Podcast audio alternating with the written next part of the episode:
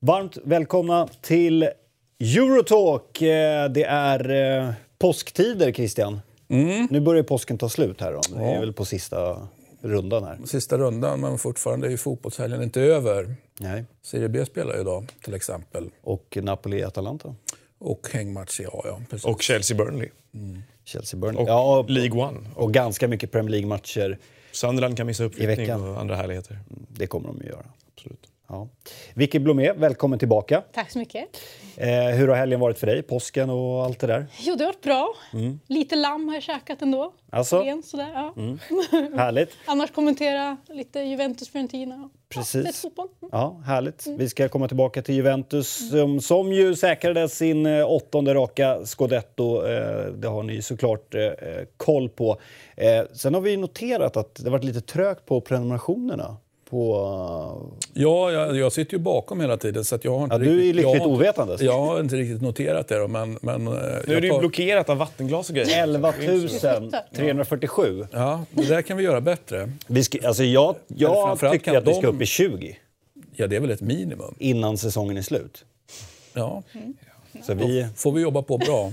ja, eller hur? Så Fem, prenumerera. kvar och fyra och Jag tror att de det gick väldigt bra ett tag. Och sen tror jag att Solskär tog över. Eh, Ja, och då kan vara det. gick det jättebra först och sen... Precis.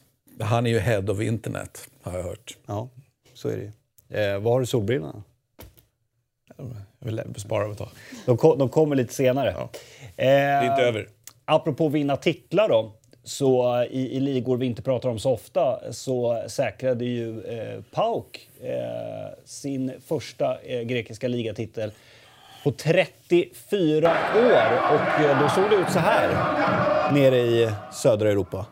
Så här kan man också välja att fira en, eh, en titel.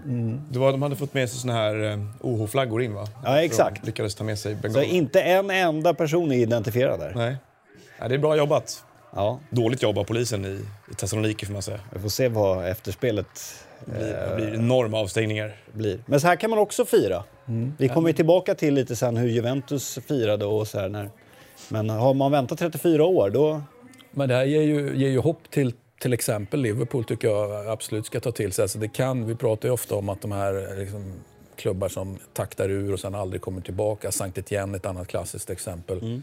Alltså det, det går ju faktiskt att hitta en väg tillbaka till en, till en, till en titel. Alltså den, den finaste titeln då, det vill säga ligatiteln. Så att, ehm, ja, bli inspirerade, Liverpool.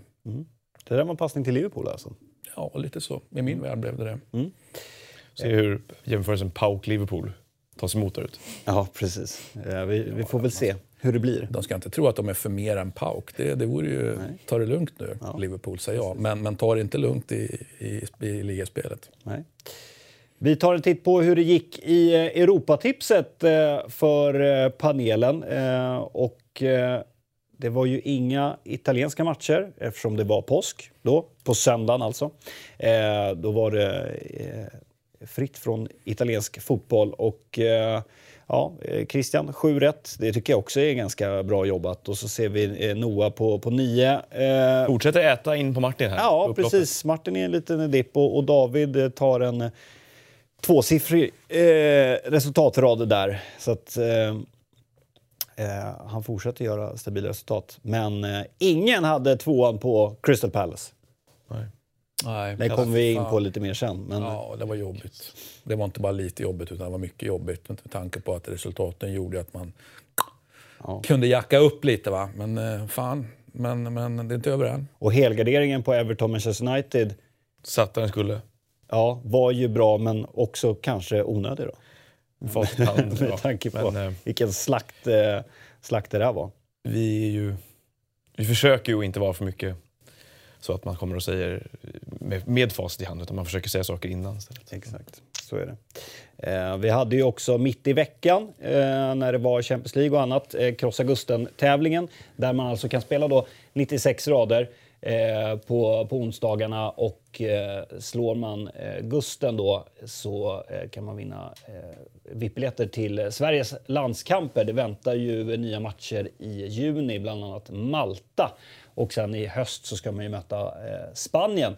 Eh, och eh, vi hade en vinnare, Joel Söder, tog 13 rätt. Det här var också alltså, hans första tweet var liksom att lägga upp krossa Gusten, här är min kupong.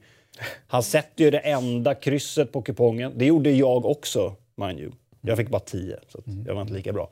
Men han kliver in och sätter eh, 13 rätt. Om han, om han är... eh, Om han vill göra det här rätt nu, då är det ju inaktivera kontot, bort för alltid. Alltså, och inte göra en Zidane och komma tillbaka sen, utan det är in, var inte- mic drop och ut igen. Precis. Han får ju jättegärna vara med i, igen för att vi, vi kommer köra eh, Krossa Gusten nu på onsdag också. Det är ju bland annat Manchester Derby och annat och, och eh, 3 miljoner i, i jackpot. Så att han får ju gärna vara med där. Men, Men eh, det är ju helt okej bästa man kanske inte- är att chilla. Stilpoäng hade det varit om man hade chillat. Ja, och aldrig mer logga in på Twitter igen. Nej. Eh, så, Tänk vad skönt. ja, Ja, jag har inget emot Twitter i och för sig. Det lät som att jag var mot Twitter. Jag älskar Twitter. ja.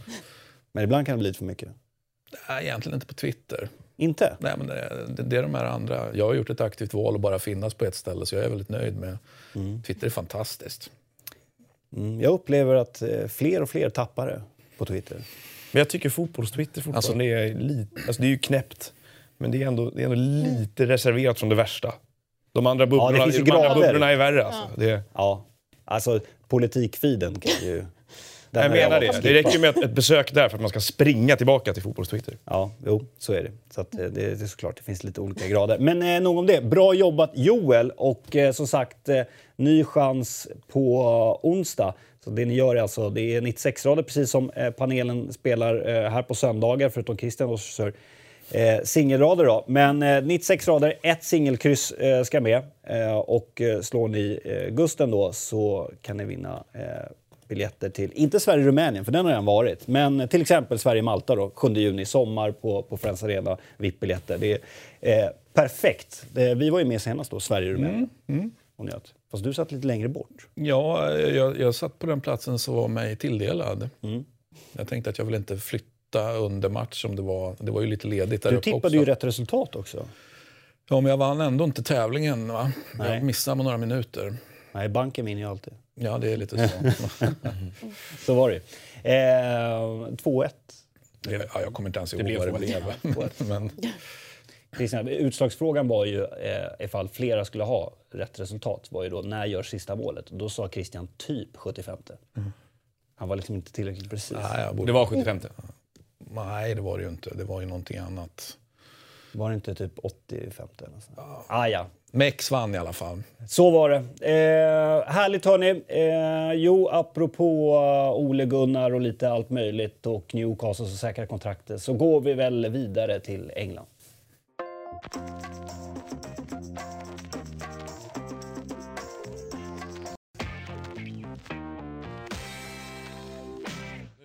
Ja, det var en mix av en eh, Eurotalk-bumper och en England-bumper där. Eh, det kan man ju ha också. Eh, ja, herregud vilka resultat vi hade i, i helgen. Men vi, vi, ska vi börja med Everton United då? Det blir alltså 4-0.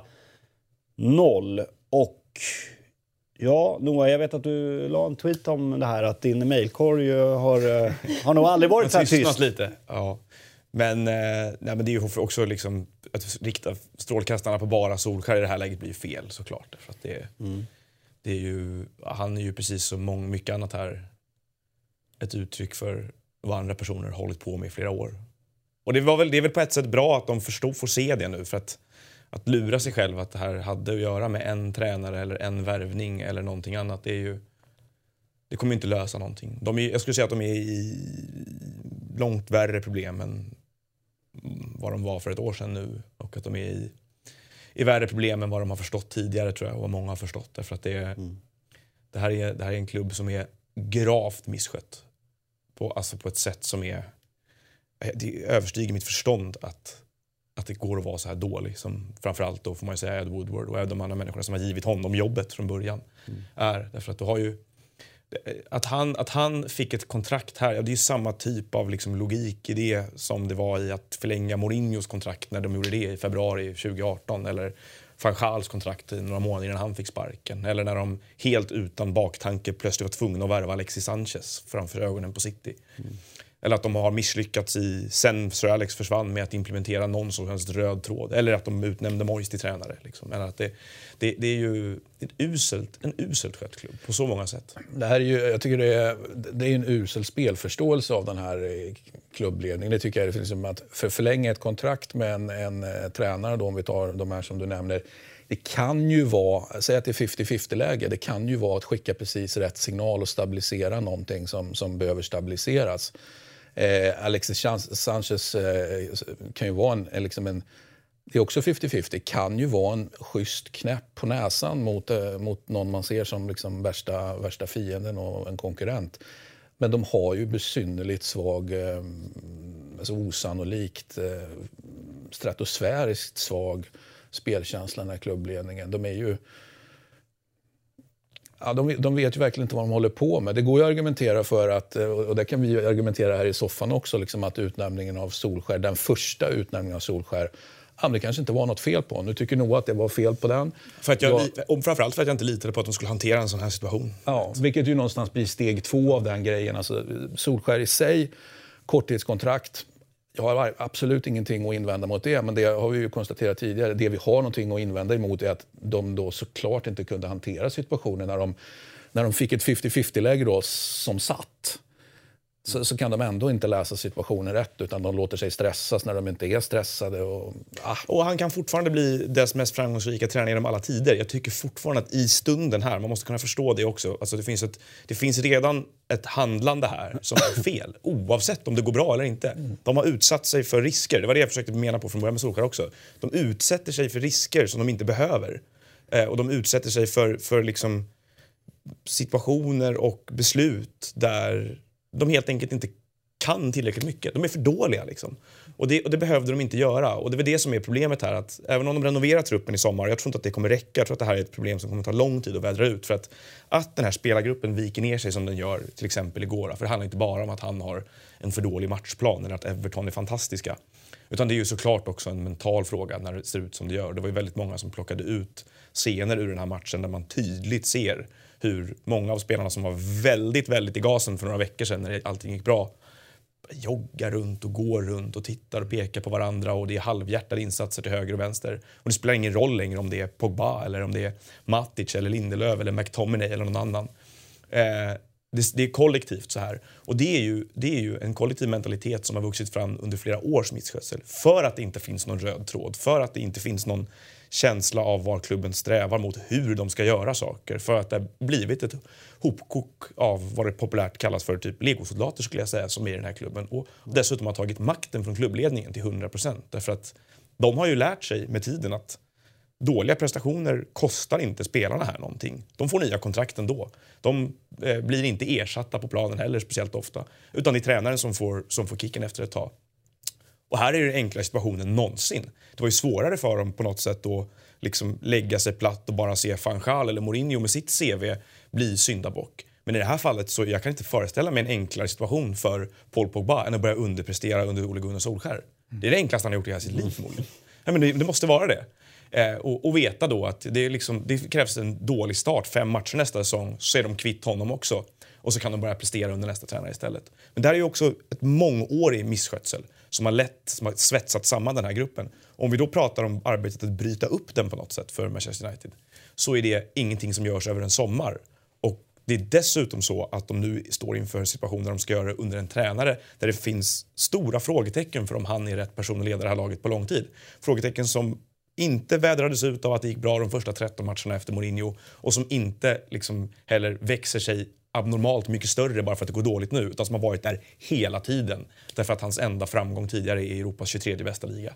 Och det är, liksom, det, det är bara så enkelt det är och det har varit så himla klart från början att man, man, är, man är tydligen inte stum eftersom jag pratar som fan just nu, men lite förstummad av hur korkat det här är. Men om, om, vi, om vi isolerar det till de här perioderna sen Ole Gunnar tog över. Att det först blir maxresultat och, och, det kanske är som, som Noah varit inne på, att man på något sätt drar ut de här Mourinho-demonerna ur laget. Men att det sen nu dippar så här mycket. Alltså fine att det var eh, kanske inte överprestationer men maxresultat och sen blir det lite normal utgång. Men nu dippar man ju otroligt. Att det är så högt och lågt. Och då är vi inne i de här sjoken. Då, då, är, vi, då är de en sjokklubb eller så är det här en sjoktränare. Det vill säga det här oförklarliga för att du alltid får i princip alltid en kortsiktig eh, effekt vid tränarbyte. Det är ju liksom, så är det ju bara. Eh, det kan Vicky berätta som har spelat fotboll. Mm. Så är det ju alltid. Och sen kan man ju, sen kan man tycka att 13 matcher var ju väldigt lång sån initial effekt. Den kanske klingar av, och det kanske hade varit bra om den hade klingat av lite, lite tidigare. Va? Men upp som en sol, ner som en pannkaka. Det är ju, det är ju alla varnings... Alltså, det är ju Titanic-varning på det. det. Det här är ju ett, som klubb, de är ju ett ringvrak liksom, faktiskt. De, de är... Ja, jag vet inte vad jag ska säga. Ja, ska Ett man, populärt ringvrak. Ska man isolera det till de här två formkurvorna som vi har haft då? Det vill säga toppen som han inledde med och den bottenlösa botten som han är på väg mot just nu med de här sex, vad är det, sju förluster på nio matcher eller något sånt där tror jag. Ja. Sex på åtta. Eh, så är det ju så att den här perioden av hjälplöshet som de är, håller på att vada runt i just nu, den kastar ju också ett annat ljus över framgången i början såklart. Det vill säga, mm Använder man framgången i början, vilket klubbledningen gjorde, som ett tecken på att vi har hittat rätt kille. Det här är jobbet som vi vill reproducera över tid nu. Han verkar rätt för det här. Då ska man vara säker på varför det gick bra. Det är ju hela grejen. Det var det vi pratade om, jag och Martin här och vad många andra har sagt också. Vad är det för beslutsunderlag som finns här på bordet? Och den var tydligen otroligt skör. Alltså framgången var otroligt skör de, i de matcherna. Därför den metoden, man syntes liksom man ser inte spår av spelet som de kunde visa upp i perioder i början. Då, utan tvärtom så verkar det ha varit en klassiskt fall av, liksom, det är just det här du menar, new manager bounce, liksom, att, de, att de vikade. Och det gör det ännu, ännu mer obegripligt att det här kontraktet är utfärdat och att de valde att hasta fram det. Liksom. det jag får lite så här Gattuso-vibbar om vi går till Italien ja. lite. Att man, liksom, mm. man sätter det här grundspelet bara och sen är det något annat som gör att man får en så bra period, precis som du säger, ett mm. byte. Mm. Men att det egentligen inte finns kanske så mycket utveckling som den tränaren har varit ja, grunden till precis. egentligen. Och det är väl lite det känslan man ser här också. Att vad är det som gjorde att det gick bra 13 matcher? Ja. Var, det, var det en implementation som ja, kommer precis, att fungera över tid? I Milans fall till exempel, en formstark striker och ett försvarsspel där man satt grunderna under en viss period och en målvakt som storspelade. Men ska det vara ett underlag för att förlänga? Ja, och jobba ja. över lång tid. Det är liksom. Och det är stora mm. klubbar båda två. Ja, liksom. men precis. Sen är den här klubben ja, mycket, det är större press på att det här ska, ska vända än kanske i Milan för det har varit så pass dåligt så länge. Men det är lite samma känsla i alla fall. Sen verkar ja, spelargruppen som det såg ut under matchen igår så att ah, det är något som inte stämmer mentalt, precis som ni säger. Är... Ja, och där, ja, du var inne på det Noah, men, men också spelarnas ansvar i det här.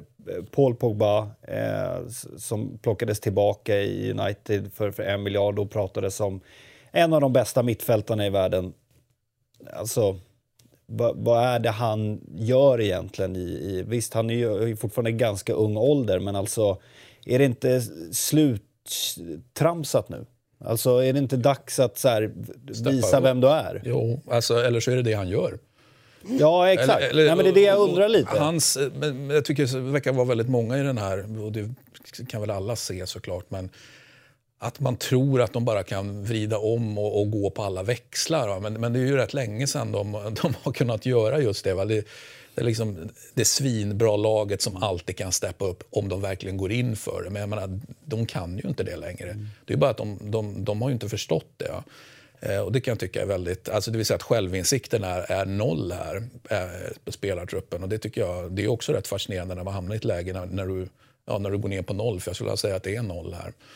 Men när det gäller Pogba så liksom, jag tycker att det har varit en hel del irrelevant kritik mot honom. Ett överdrivet fokus på vad han gör i sociala medier och hur han firar sina mål och vad han har för frisyr. Liksom. Det, är, det är bara liksom tidevarvet att spelare håller på med den typen av saker. I andra tider har de hållit på med andra saker. Det har varit att kröka och röka och andra grejer. Så att liksom, spelarens fokus, det, där, det där blir liksom ett sorts barnsligt tolkande utifrån av vad som är en riktig fotbollsspelare och inte. Mm. Däremot är hans prestationer, och det har varit hans problem länge, är att han är ju, har varit liksom haft en offermentalitet som jag helt enkelt inte tror kommer ta honom få ut max av hans förmåga. Att han är väldigt, väldigt bra på att liksom krympa när han behöver egentligen växa och ta ansvar. Och det gör ju att han inte känns som en kapten för det här laget till att börja med och jag tycker heller inte att han känns som liksom, att, han, att han har all, hela registret av färdigheter som behövs för att bli den där spelaren som han i mångas ögon utvecklades till, i alla fall medialt, men kanske på planen har haft för svårt att vara efter Juventus i alla fall. Liksom. Det, det, det, det, är kvar där för honom. Eh, och det är han och ett par andra spelare här som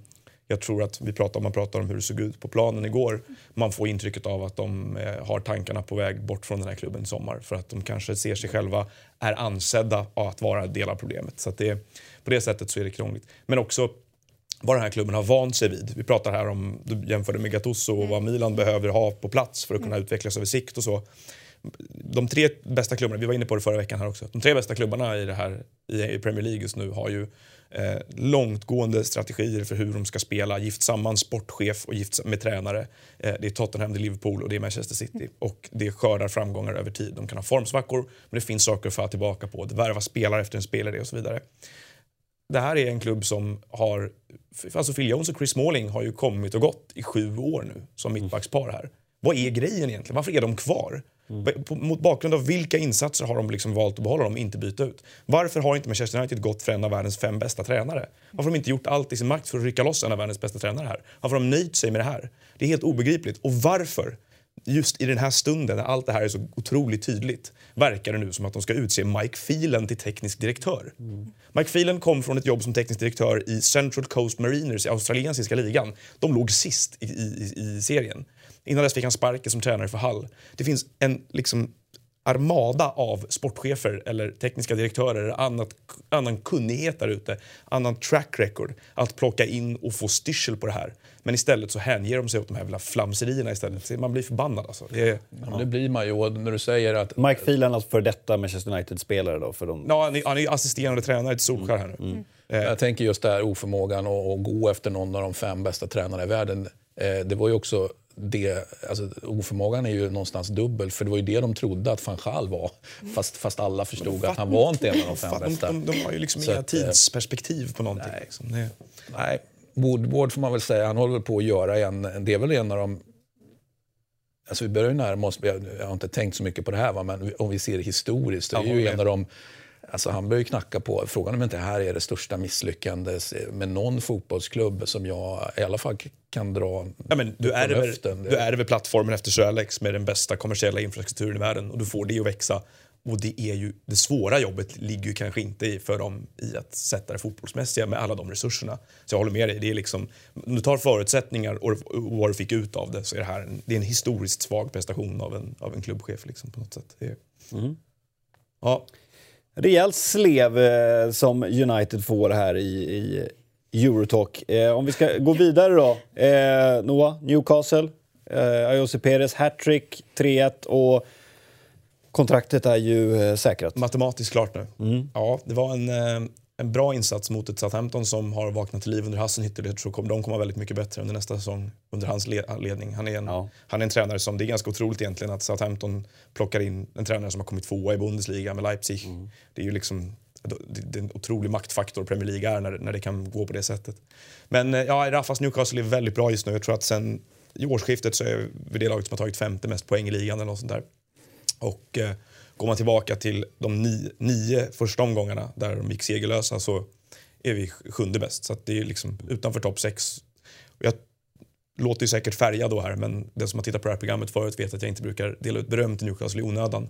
Men det här spelar bäst av alla lag i ligan utanför topp 6 på riktigt tycker jag det. det är, eh, eh och, och Peres, många spelare individuellt, haft jättefina utvecklingskurvor under säsongen. Peres kanske den som, precis som förra året, vaknar till liv ju längre det går. Han har mått väldigt bra av att Miguel Almiron har kommit in.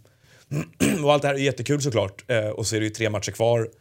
Och det finns, precis som i fjol, en jättefin plattform att bygga vidare på. Men Rafas kontrakt går ut nu. Och det första han säger efter matchen är att det är inte alls säkert att jag stannar. Jag är kvar till den 30 juni. Dessförinnan så måste vi komma överens om saker och redan nu är vi på väg att hamna efter på transfermarknaden för att det inte finns beslut om budget. Det finns inget mandat fördelat till honom eller till någon annan att göra värvningar. Ashley är på påsksemester, går inte att få tag på honom. Mm. Eh, Lee Charnley som är under Ashley presenterade boksluten i veckan och en av sakerna Rafa har bett om för att skriva på nytt kontrakt har varit förbättringar av dels faciliteterna för ungdomsakademin men även för träningsanläggningen som inte har renoverats på 20 år tror jag. Eh, och han har fått nej till det. Och Charlies argumentation då när han fick frågor om det här i samband med att presentera bokslutet var att ja, det, jag har aldrig varit med om att en spelare har tackat nej till att spela för oss på grund av vår träningsanläggning. Och det har inte hindrat oss från att vinna Championship och komma tia i Premier League så jag ser ingen anledning till att mm. vi ska... Och det, det säger ju egentligen allt. Och det får mig att tro att det, kommer, det krävs otroligt mycket för att Benitez ska stanna. Det kan bli en läskig säsong nästa 19, ja, 20? Ja, ska man göra en sorts profetia så kan det här nu gå på två sätt. Det ena är att de, precis som de gjorde med värvningen av Almiron, förstår att de har för mycket att förlora på att eh, inte gå Benitez till mötes och helt enkelt ger honom liksom, i alla fall men, en, en tesked med någonting mm. här, i det här fallet. Eh, och i så fall kan han nog tänka sig att stanna och skriva på ett avtal men säkert med tydliga klausuler för att han lämnar om de börjar liksom, bråka med honom igen. Det andra som kan hända det är ju att Rafa lämnar för att ambitionen att komma bättre än tia inte finns där, vilket den ju i grund och botten inte gör och inte har gjort på 13 år. Eh, och då har ju traditionellt sett Ashleys metod varit att ta en tränare som hamnar i omedelbar tacksamhetsskuld till honom, det vill säga någon som har förlorat flera jobb på raken men har en gammal period av framgångar bakom sig eller modesta framgångar och sen kompensera den tränarens liksom, svagheter med att trycka in pengar för övergångar istället. Precis som de gjorde med Steve McLaren till exempel, som de även har gjort med Pardew och som de har gjort andra gånger också. Eh, så att jag tror att det är något av de två. Har antingen Benitez då med en liksom, minsta möjliga eh, handlingsutrymme eller typ Alex McLeish med skitmycket pengar. Det är någon av de två vägarna tror vi kommer gå. Mm. Och eh, titelstriden lever ju eh, fortsatt i allra högsta grad. Eh, Liverpool besegrade Cardiff med 2-0. Tre poäng där och eh, som sagt två poäng före City nu. Eh, mycket snack efteråt här handlar ju om eh, Salah, om han är en filmare eh, eller inte. Neil Warnock sa att det var en 9.9. Tom Daley det är alltså någon slags brittisk simhoppare. Eh, och eh, pratar något om att de borde ha fått en straff men att linjedomaren sa att han fick solen i ögonen. De har ju inte fått någon straff den här säsongen. Och, eh, det kanske man inte får när man är ett brottarlag heller. Men, å, å andra sidan. men jag vet, vad, vad, vad, vad, tycker ni? Finns det fog att kallas, jag vet inte vad ni tycker om den här situationen och överlag om Salah är en ja, notorisk filmare eller inte? faller ju lätt, gör han ju absolut. Ja, och, det, och Liverpool, eh, det har jag ju sagt hela säsongen, nästan hela säsongen i alla fall redan några veckor in bara så, så, så, fick ju Liverpool med sig domslut på ett sätt som... som eh, alltså man ska egentligen inte vara så... Vi som säg, inte håller på Liverpool, vi kan tycka att ja, men, det kanske inte är så kul. Men håller man på Liverpool tycker jag man ska inte vara så bekymrad över det. Däremot så är det såklart ett känsligt kapitel att, att man har flyt med domslut. För att eh, det är ju fortfarande så att de har verkligen haft flyt med domslut. Eh, och nu blir det surt på Twitter, men eh, så är det ju. Eh, det tycker jag liksom, det är ställt utom allt tvivel. Mm. Och då ska man ju falla skickligt, så det är kanske det han gör. Att liksom falla lätt, ja kanske. Falla skickligt, ja det är kanske det han gör då. Ja, jag förstår ju, Sara, vi, vi har pratat om det här i många år. Och att Salah får ju ganska mycket tjuvnyp, som i den här situationen, en spelare som hänger på honom. Ja, det är en, och, jag, tycker det, jag tycker att det är en, en överträdelse oavsett om han faller. Ja, exakt. Är, och, och, och, jag förstår ju liksom. Salahs frustration i match efter match mm. där de eh, sparkar på honom, de mm. håller om honom och allt möjligt vad det nu kan vara. Att till slut att domaren inte ger honom straffat så här. Vad ska jag göra då? Okej, okay, men jag slänger mig teatraliskt då, så får jag den här straffen som jag ju ska ha. I många ja, situationer. Sen ibland så, det är klart att det ser ju inte snyggt ut när någon gör, nu gör han inte det här, men i andra situationer när han springer förbi en spelare och gör ett svanhopp och där det kanske inte är en situation Nej. där han snarare fuskar. Det har vi ju sett också. Men till exempel här förstår jag Salas frustration att liksom han, han hänger ju på mig. Han spelar ju inte fotboll. Absolut. Mm. Men ja, Liverpool vann matchen med 2-0 så jag vet inte heller varför det här är så viktigt om jag ska vara helt ärlig. För Warnock heller. Alltså, det var inte, var inte det här som avgjorde utan eh, det var ju att, eh, andra saker som Cardiff höll på med och framförallt som Liverpool höll på med. Som, liksom, det, här, det här var en, en, på pappret tycker jag en av deras absolut tuffaste matcher de hade kvar med tanke på att det var ett Cardiff som kom från 2-0 borta mot Brighton som mm. slogs för att hänga kvar. Som eh, har utrustade med alla egenskaper för att klara den här bottenstriden egentligen och framförallt göra, göra allting extremt jobbigt för Liverpool. Och ändå åker de och vinner med 2-0 och tycka vad de vill och då om han borde ha lagt sig ner eller inte på slutet så hade ju Wijnaldum redan gjort 1-0 innan. Så att det, Wijnaldum som de stoppade in i halvtid. Så att, eh, rätt justeringar och Klopp, rätt liksom, rätt mentalitet, fortsatta... Alltså det, det känns som att vi har två mästarlag i Premier League. Eh, och det är det som är bisarra här egentligen. Att ingen av dem har ju nu... Nu är det tre matcher kvar. Jag tror, jag tror de går rent. Jag tror båda går rent. Ja. Ingen av dem är liksom... Ja, det, det är liksom jag, tror, jag tror inte att de... Det skulle vara om Rafa sabbar alltihopa för dem, men det har han inte hjärta att göra. Nej. 4 maj. Eh, men... Eh, Nej, det får han ju inte göra. Nej, det får inte det går faktiskt. nej, men det kommer han inte göra. Nej, nej, för fan. Det... Men nej, det, det, de har, det finns ingenting i det här Liverpool-laget som, som man kan säga att därför vinner de inte ligan. Utan det, de, Och De är- 80, de ut som 88 mästerlag. poäng eh, är ju första gången de når det i, i Premier League. Pep Guardiola säger ju att det här är det bästa Liverpool-laget han någonsin sett. Ja, han var de är ju... fantastiskt eh, bra. Det är så. Eh, ja, han, han säger ju faktiskt ännu mer, vilket jag reagerar över. För han säger ju att eh, det, det är det bästa Liverpool någonsin. Och då, då drar jag min eh, revolver. Så är det. Men det är ju klart, han, han är eh, ett barn av sin tid och allt det här. Att Det ser allt, nästan det, ut som att han håller i det, exakt. Och då Nu kör vi skjuter den tillbaka. tillbaka. Nej, men, men, som, men det är klassiska. Det man har upplevt i sin egen tid, liksom, det måste övervärderas något så in i helvete. Så även för en sån klok person, till synes klok person som Guardiola. Starkt Tråkigt. också, av, eh, starkt också av City att ändå några dagar senare, vi kommer ju tillbaka såklart till Champions League-snacket lite senare, men ändå att några dagar senare, jag tänkte att reaktionen kan ju vara att antingen kör de över Tottenham här nu eh, i liksom, returmötet här, eller så kanske den där eh, exiten påverkar dem så mycket mentalt att de, de inte orkar nu. Att det, det är liksom, Ja. Luften går ur dem. Men det här är ändå starkt att ta 1-0-segern. Men det var det säkraste tecknet på alla möjliga kuponger. Jag- att de skulle, Ja, att de, kanske. Jag menar, Martin som brukar sitta där, han brukar alltid, han brukar alltid driva tesen att har man, om man torskat så vill du inget hellre än att Alltså inte vänta eh, 15-20 omgångar spel utan du vill fan gå ut imorgon och köra igen och nu fick de göra det. Så att Men de jag var tyckte den var super självklar att de skulle vinna den här. Men de var illa ute.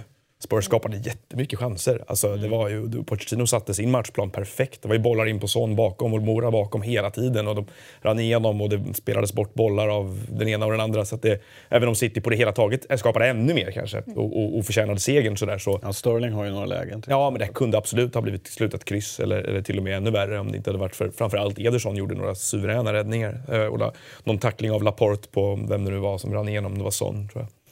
Eh, men, eh, nej, men det är klart att, och att de roterar lite också, att Foden startar och det är Foden som gör mål. Och, och, och så gör, det, känns, det är klart att det, det är en styrke, ett styrkebesked. Men Pep var väldigt noga med att poängtera just det där efter matchen, att de hade varit, det hade varit mentalt sjukt tufft efter onsdagen att komma tillbaka. Det kan man ju förstå.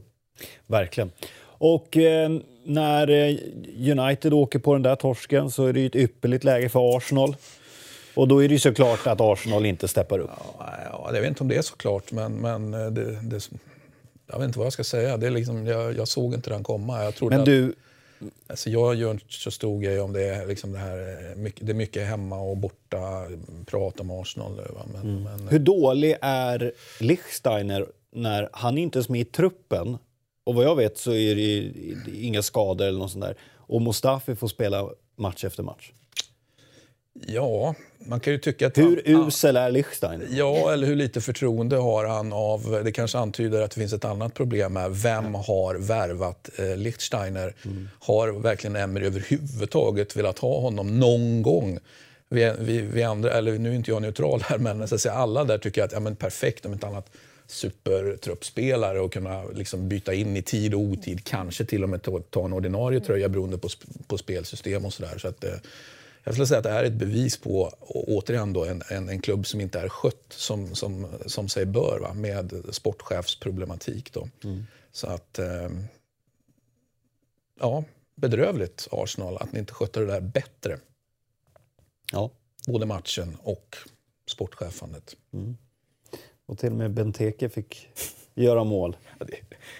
Det är, Det är ett år sedan. Det finns några exempel på såna här karriärer som bara dör helt plötsligt. Ja. I hans fall så är det, det är faktiskt helt otroligt alltså, vad, Ja. som, vad som händer i ögonblicket han går till Liverpool. Nästan. Ja, ja, verkligen. Och på onsdag är det alltså United mot City och eh, så som det har sett ut då så kan det kanske bara sluta på ett sätt, eller? Ja, jag skulle inte ta det för givet. Du antyder att City kommer att, att, att köra rakt över nu. Då. Jag, jag, det vågar inte jag säga. Jag tror, det, jag tror väldigt mycket, jag tror man kommer kunna Vi hade ju en Läsa- situation förra säsongen. Jag tror man kunna utläsa mycket om United i den här matchen. För att Är det någonting Sol- Solskjaer sysslat med sista veckan här så är det ju att förklara att ingen i den här truppen går säker i sommar och det finns pengar att spendera. Så att de spelare som är intresserade av att spela för Manchester United nästa säsong, de kommer nog göra en bättre insats än mot Everton på, på onsdag, skulle jag tro. Och så kommer de ju trots allt från inte bara en förlust utan de kommer ju från en total förnedring. Alltså det finns ju någon, alltså även i, i spelare med eh, för jävla dålig självbild och, eller, eller vad vi nu ska kalla det så, så finns det ju ändå någon slags stolthet här inbillar jag mig som gör att man kan inte stå för en lika värdelös insats till. Det går helt enkelt inte. Inte ens för United går det. Vi bör ju också säga att Everton gjorde en väldigt bra match mot United och att Everton under Marco Silva börjar se, som vi var inne på förra veckan också här, efter några slutklämmen på allt tvivel där verkar vara det här tappet borta mot Newcastle till 3-2. Eh, Efter det har de ju verkligen skärpt till sig och eh, har ju en rad resultat på hemmaplanen mot topplag som är riktigt imponerande. Både slagit Arsenal och Manchester United och spelat oavgjort mot Chelsea va? Och 0-0 mot Liverpool. Om jag inte missminner mig. Eh, eller vann de mot Chelsea till och med? Det gjorde de. Ja, det kanske de gjorde. Ja, äh, men, det- men oavsett så är det ju... Eh, eh, minst den här 6-2 förlusten mot Spurs i vintras och ett par andra resultat där som var riktigt illavarslande. Så lyssnar man på Seamus Coleman efter matchen här nu så pratade han om hur en hel del av det de har jobbat med med Silva under säsongen har börjat klicka på slutet. Och de har hittat en konstellation längst fram också med eh, Richarlison och Sigurdsson och eh, Bernard i någon sorts liksom, supportroll till Calvert Lewin som är sjukt nyttig längst fram. Om han gör lite mer mål så har de ett färdigt anfall där känns det som. Eh, härligt hörni. Vi, eh, vi lämnar England och eh, går vidare till Italien.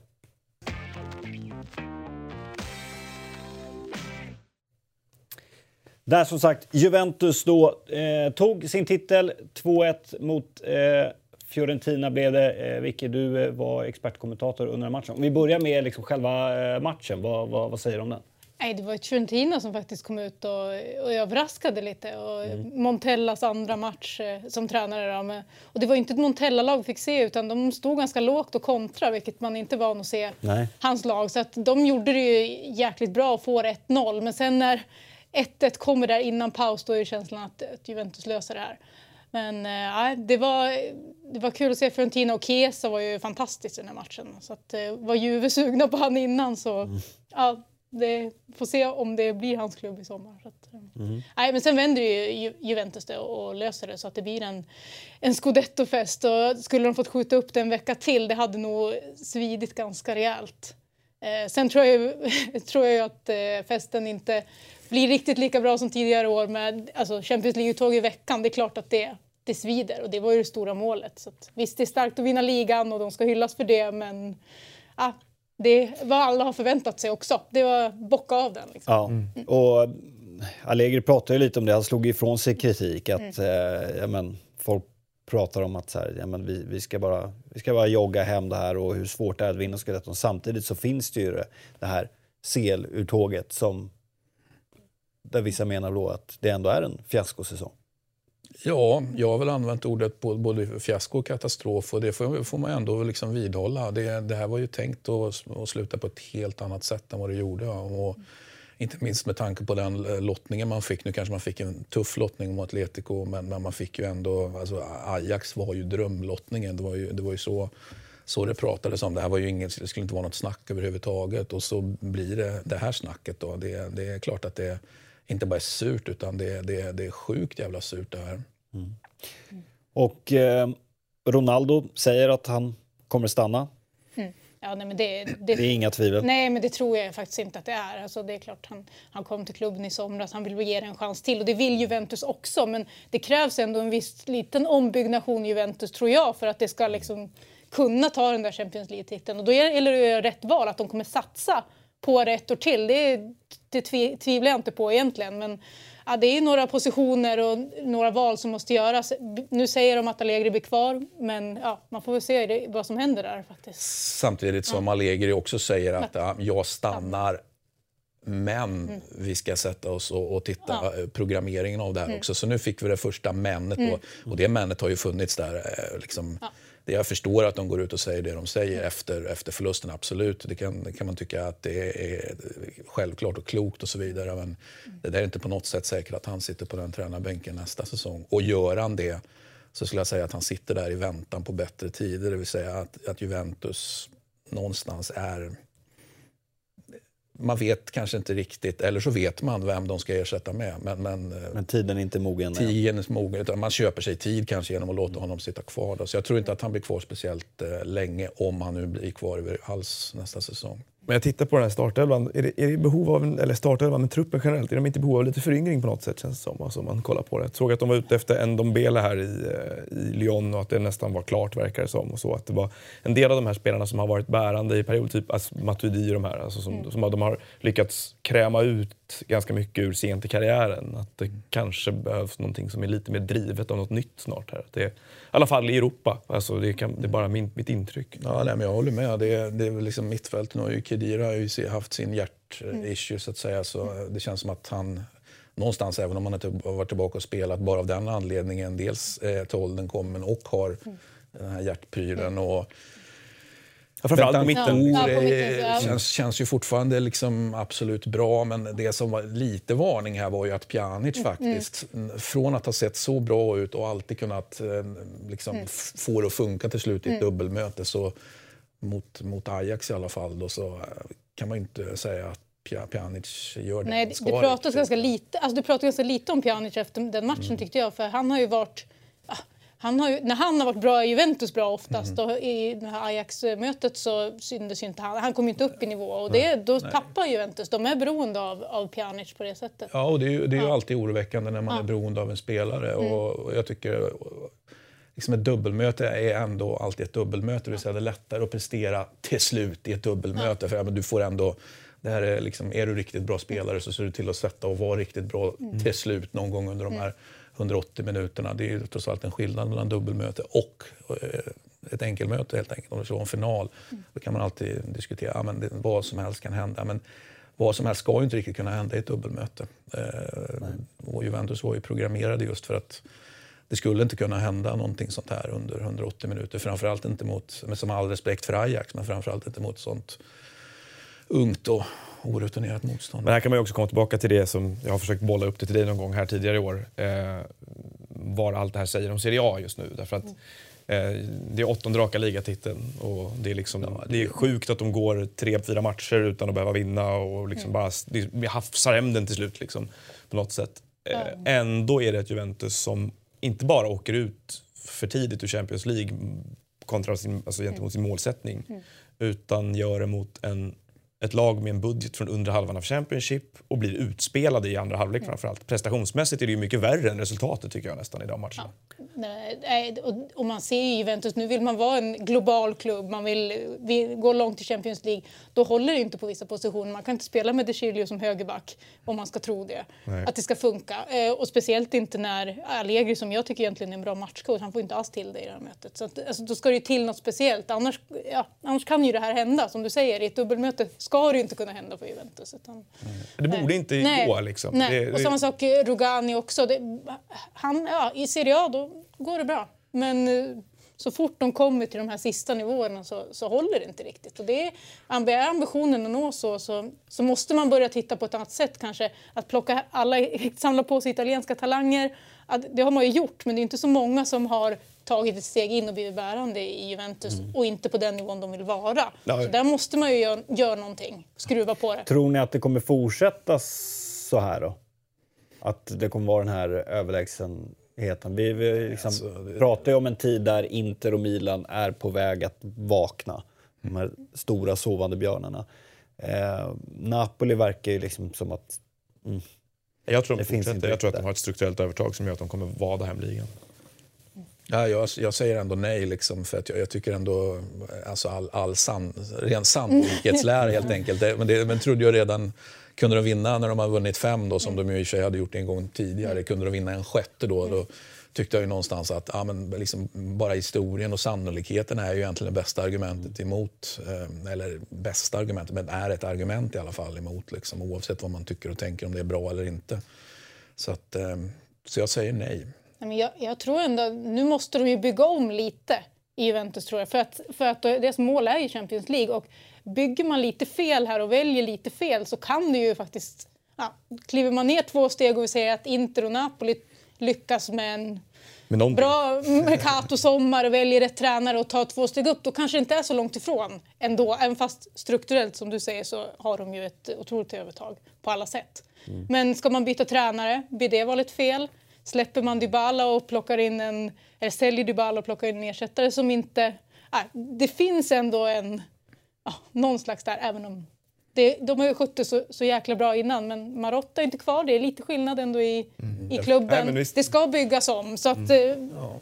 Nej, men jag tycker att fortfarande de... att det är bra att du säger Marotta. Det kan faktiskt mm. tål upprepas hur många gånger som helst egentligen. Vi får ju se någonting helt nytt. Ja. Första rena Paratici-Mercaton. Mm. Eh, och, och, och, om den då kommer att skilja sig någonting mot när han kört med Marotta. Liksom. Mm. Och betyder det att, att eh, alltså, hur, hur, kommer maktfördelningen att vara helt enkelt? Kommer det, samma utrymme för, för André Agnelli eller ännu större liksom, och, och Paratici blir en icke-docka. Eller och, återigen, Paratici ska vara första gubbe. Han har visat sig vara en helt fantastisk andra gubbe och var en av världens absolut främsta scouter, absolut.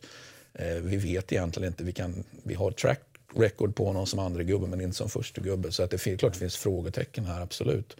Och bara det jag tycker det är spännande det här att, att, att André Agnelli, då, det pratade vi redan om när han, släppte, när han tog bort eh, Marotta, liksom att han, alltså, och, och, tog Cristiano Ronaldo, att självförtroendet är så fantastiskt gott. Men är det här ett självförtroende som är för gott? Det vill säga, är det här, har det blivit hybris av det? Det kanske, kan, det kanske blir det efter sju raka ligatitlar, jag vet inte. Mm. Eh, jag, tycker, jag tycker att det blir väldigt spännande att se. Men jag, jag vill, det jag vill lyfta där i alla fall, att det finns en sån här Liga fara här. Mm. Alltså, den har ju varit på, på agendan länge såklart. Mm. Men att eh, den blir inte mindre av att den här vrålöverlägsna åttonde raka ligatitellaget plötsligt står med byxorna nere mot Ajax. Liksom. Det, det, är ju det är lite som att... Eh, vi är väl redan var, där. Ja, vi är, alltså, där, vi är där, absolut. Men med det sagt så finns det ju de här sovande jättarna Eh, på ett annat sätt än vad det kanske gör i, i, i franska eh, ligan. Men, eh, men jag menar, det är ju... Jag menar, Juventus säkrar titeln före PSG. Så att... mm. Exakt. Mm, ja, det gjorde de ju. Någon dag. Ja. Mm.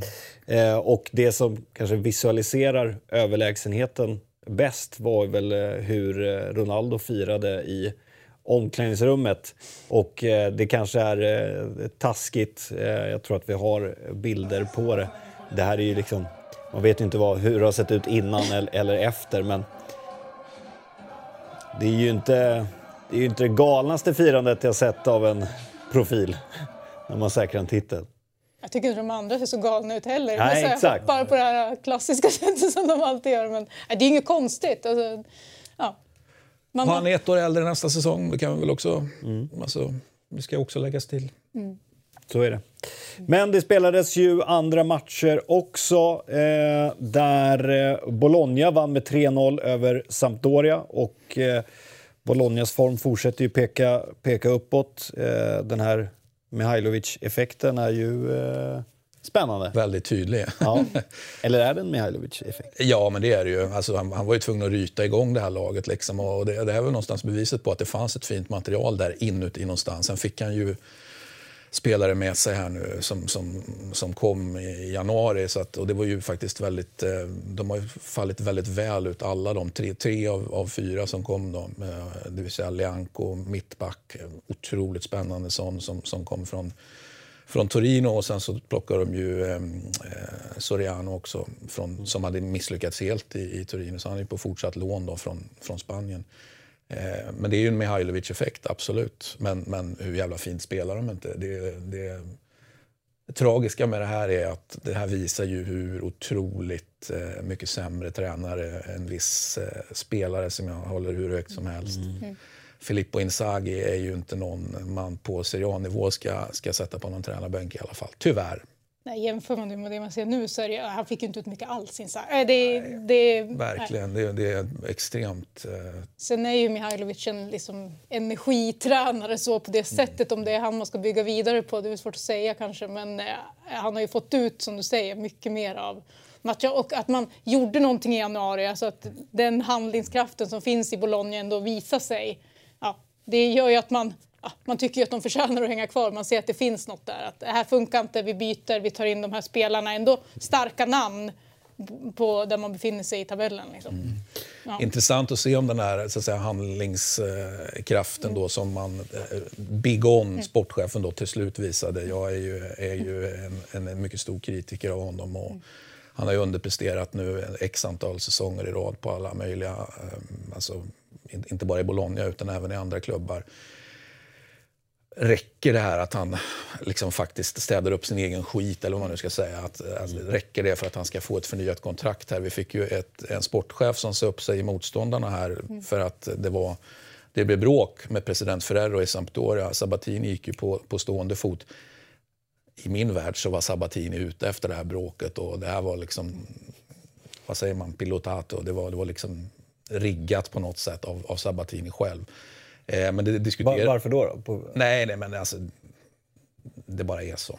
Det okay. bara är så. Han, han, han, han, vill inte vara kvar. Han vet ju inte riktigt vad han ska göra nu för tiden. Det är då, han har ju trots allt pikat och haft... Mm. Han har varit kung i Roma, fått liksom allt beröm du kan få och, och, verkligen gått rätt och hittat världens kanske bästa talang och, och fått renomméet. Liksom. Och sen, sen så går ju han, Sabatinis karriär, han är ju fantastisk. Otroligt skön person och hans presskonferenser och hans intervjuer. Det finns ju liksom ingen i, i fotbollsvärlden som är i närheten av att ha den nivån på underhållningen. Men det är kanske inte det som är en sportchefs uppgift ändå. Eh, han kanske bör tona ner vissa grejer. Va? Men nu har han ju kraschat i Inter och han har då kraschat med Samp. Utan, han har ju varit sjuk under den här tiden i Samp också. Så han har ju, han har ju knappt fingrat på det här Samp skulle jag säga. Så han, han har ju mer varit slags galjonsfigur som, som egentligen inte spelar någon roll. Så att, eh, och varit väldigt tydlig med att om Ferrero säljer Sampdoria så, så då, då kommer han att lämna. Eh, och det är just Bologna då som det har pratats mest om de senaste två månaderna skulle jag säga. Det pratas ju om att han, han och Osti då kanske liksom går från Sampdoria och, och tar Bologna istället. Och det skulle inte förvåna mig en sekund om det är det som sker.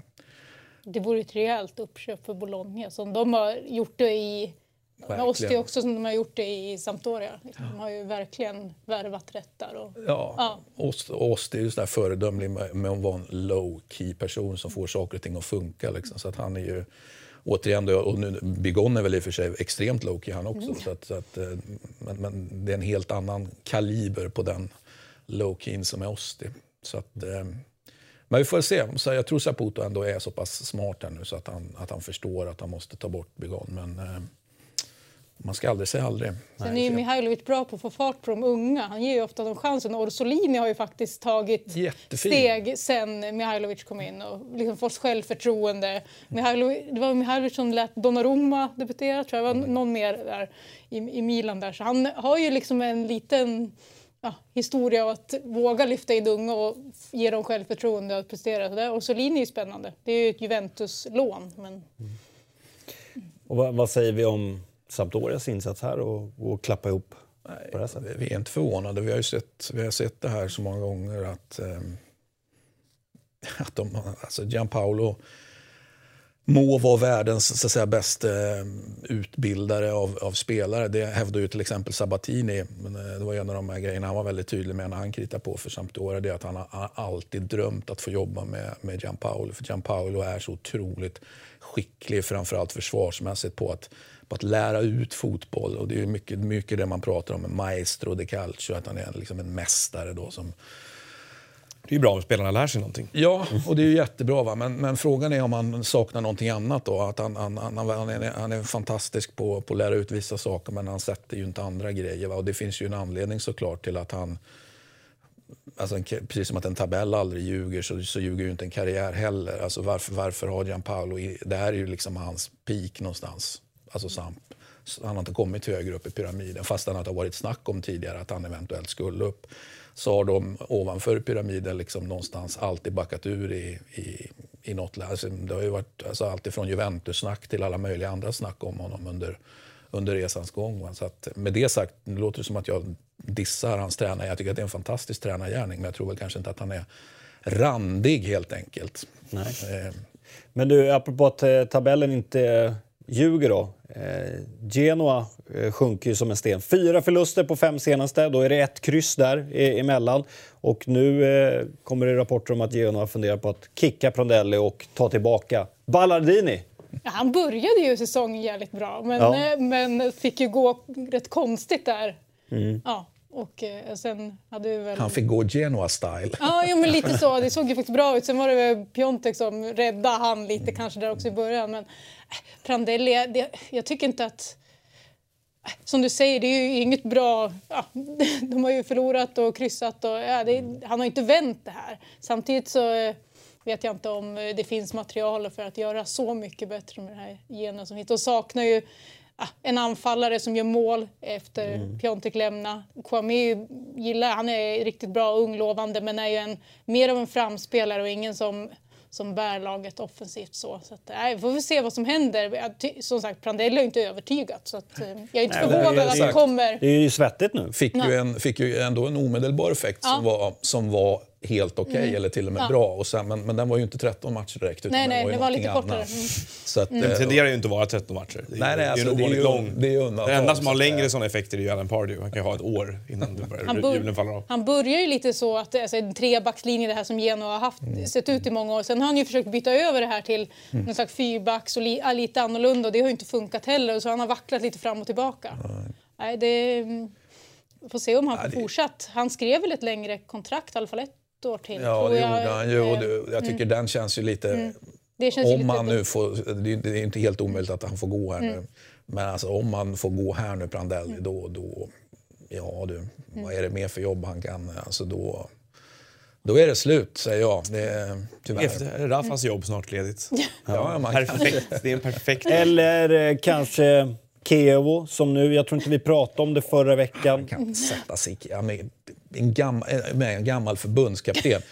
Mm. Genoa är trots allt en viss prestige i massa, eh, även om det är för hundra år sedan, massa ligatitlar. Italiens äldsta klubb. Alltså, det är ändå någonting.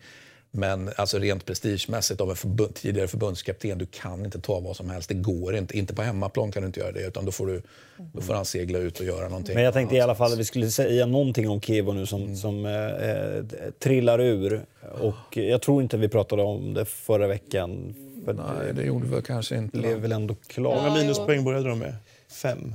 Ja, det, är, tre, numera, det är tre numera, ja. Tre, det blev ja. ändrat under resans mm. gång. Ja, och nu blir det tillbaka till eh, Serie B då.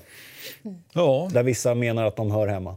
Ja, och det är väl bara beviset på att, eh, att, att, det är fantastiskt att de har gjort det de har gjort sen de gick upp. Liksom, är det 0-0-0, de gick upp om inte jag kommer ihåg helt fel. Det är ju fantastiskt. Liksom. Det, men det är också, det finns, jag tycker det är ett tragiskt slut på den här eh, sagan. Eh, med det sagt så borde den ha tagit slut redan när de åkte ur, men då gick de upp direkt. Bara det tyckte jag var fantastiskt sagan har liksom fortsatt eh, på något slags dopat sätt och det var väl kanske den dopingen de torskade för, det vill säga mm.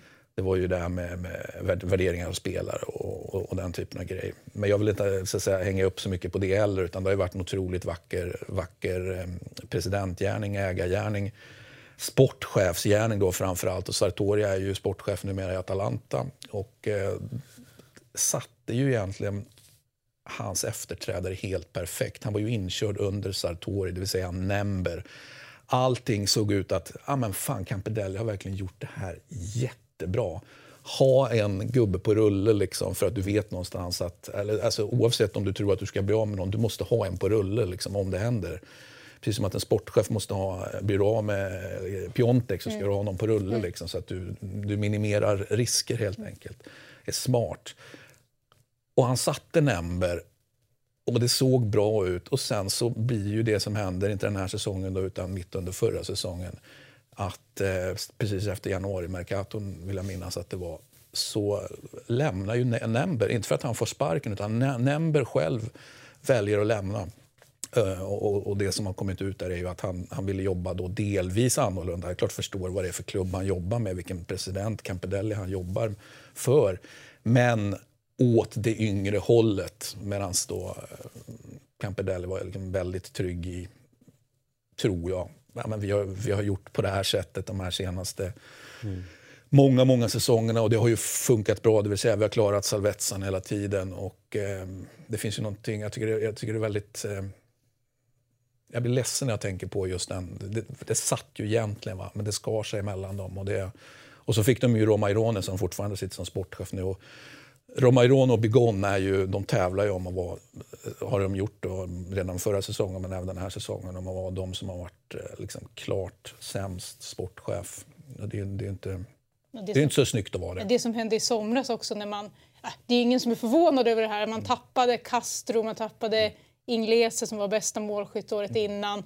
Alltså det var ju en, en dålig Mercato måste man säga. det kanske var svårt att göra någonting med de här minuspoängen och, och mm. så vidare men det ersattes ju inte och man, ja, man tappade ju liksom sina viktigaste. Och Maranda som gick mm. ja, tidigare som ändå har varit någon slags han har ju gjort mycket för att de ska hålla sig kvar på, mm. på alla sätt, det måste man ju säga. Han har ju gjort det bra med Cagliari nu som ligger tia i tabellen som vi ser. Så det, mm. det var ju också en, en, stor förlust där. Och där har ju inte Romagnoli som du säger, han har inte lyckats Nej, lösa ja. det på ett, på ett bra sätt. Eller, ja. Och det räcker ju inte. Nej, det gör Nej. ju inte det. Och det kunde man väl någonstans se när Romagnoli klev in. Alltså det var ju inte, alltså det var inte många som trodde på den utnämningen då. Mm. Så, så jag menar, det, var ju, det, det, går ju inte att säga att man är överraskad här. Mm. Och det kan jag tycka, det, det gäller också Campidelli då, att han, han, ska inte kunna vara överraskad över det här utfallet. Utan jag tycker tvärtom. Eh, alltså han borde, med det track record han har med att ge sin sportchef så otroligt fria händer med det otroligt fina resultatet så borde hans Kievo ha varit ett attraktivt eh, liksom, eh, för någon annan sportchef bättre än Romairone. Eh, och så tar han Roma Iran, liksom, eller är tvungen att ta. Det kan ju hända att det har funnits ett rykte i någonstans att, att eh, de intressanta sportcheferna fattar liksom att ja, Nember hade fucking jävla koll på den grejen och kolla presidenten begrep ingenting.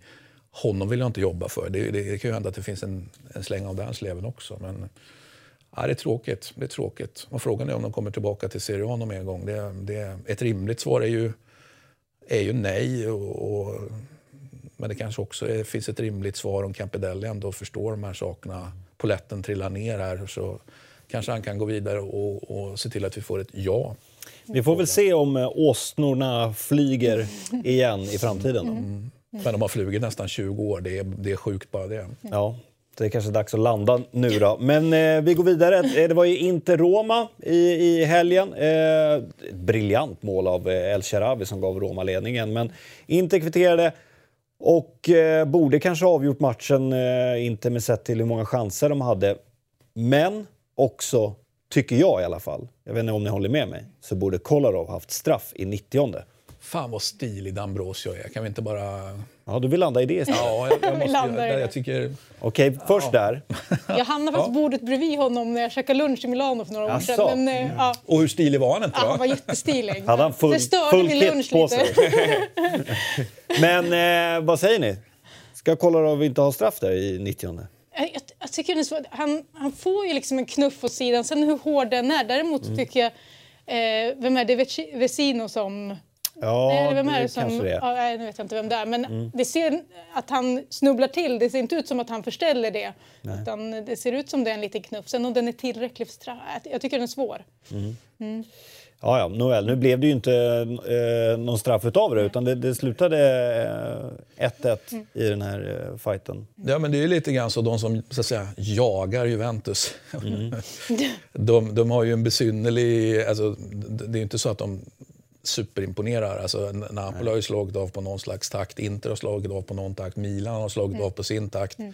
Eh, liksom Lazio har slagit av på sin takt. Alltså, fan, och Roma har möjligtvis kommit igång lite grann, men de hade slagit av på takten tidigare. Mm. Det, det, måste man ju säga att besynnerlig form på väldigt många lag i den här ligan nu när vi går in i det här som Martin alltid brukar prata om att är det, med, det är mars, april, det är nu det gäller och, och då bara står de för, för helt besynnerliga eller kanske självklara eh, gärningar. Och då tänker jag Sitt egentligen... sanna jag, sitt rätta jag visar de. Jag, jag, jag, Ja, men lite också, så. Mm. jag tänker på ditt, eh, nu kastar jag mig till en annan match, men liksom ditt, ditt stackars Milan Ja. då. När man 1-1 då mot Parma. Ja. Ja, men och egentligen skitsamma på ett sätt hur det ser ut och i i en enskild match. här. Men om man tittar på det här när det skulle avgöras efter att man vinner mot Kiev som har spelat sex matcher, man har varit en, två avgjorda, förlorat tre. Fortfarande bara förlorat sju under hela säsongen. Men i det mest kritiska, när man har någonstans fått folk att få lite hopp, både supportrar och även vi, vi andra som inte håller på Milan tycker att ah, men fan, Milan de har ändå gjort det här bra. Liksom. Det, det, kan vara, och det kan ju fortfarande bli så att man tar en Championsplats. Då. Och då skulle det kunna vara någon slags eh, mirakel. Då. Men Det är ändå, det är ändå tre av sju förluster i den mest kritiska perioden, inte mot fantastiskt motstånd. Det säger ju någonting, och det säger ju någon, i min värld då, framförallt att om man nu hade lekt med tanken på att Gattuso kanske, kanske, inte i min värld, men kanske i en Milan-värld, ja, men kanske låta honom få chansen i en säsong till. Ja, men här kommer ju beviset för att vi ska absolut Nej. inte låta honom få chansen i en säsong till. Får jag bara flika in en grej? Bruno Alves, De där Parma-tröjorna är ta fan de snyggaste i hela Europa. ja, det får du inte med mig på. Och men- speciellt i det här vårljuset så görs de en. Men herregud vilket snyggt kit. Ja, de är Jag bara, fräscha. Så hade du inte haft ett annat lag i Italien så hade du haft ett nu. Nej, men jag- ja, precis. Ja, kanske. Det- Har du ett annat lag i Italien? Nej. Jag, jag känner till vad han har för lag i Han har ett lag. Hemligt Italienlag. Nej, men det... det, Så jävla Men vi kan hemligt prata om det inte. ja, nej, nej, men alltså... äh, det, det, det, Vi ska ju spela idag dessutom. Ja, jo. Nej, Ascoli är det du tänker på. Men sen upptäckte jag ju att eh, de har ju stark eh, historia och koppling med fascism, vilket gör, gjorde det problematiskt för dem. Ja. Jobbigt när man försöker annektera ett lag och sen plötsligt så dyker det upp ett hakkors någonstans. Ja, exakt. Nej, så att det, det, det där skavde hos mig. Ja, jag förstår, jag förstår Nej, det. det, är ingen, det är ingen blind kärlek jag har till... På tal om hakkors så, så missade vi ju den fantastiska Wayne Hennessy-historien när vi pratade engelska. Att han är för dum helt enkelt, han inte fattade, eller? Ja, Hur eller var att det? FA gick på historien att han inte kände till nazismen. Eh, det här var ju ett fantastiskt citat av, av Roy Hodgson också efteråt, att nu jävlar ska han lära sig. Sen var det någon som grävde fram då en gammal tweet av Wayne Hennessy där han har eh, varit och tittat på gravar för fallna soldater i första världskriget. Och, då den, och det otroliga Han faktumet missade att det han, andra. ja, att han hoppade av efter första världskriget. Där var det, ja, där var han out. Man kanske tog till sig det här med Le Grand Guerre och liksom Ja. någonstans att det kriget alltid är Det riktiga. är riktiga och det stora. Och, En klassisk college dropout alltså. Han är det.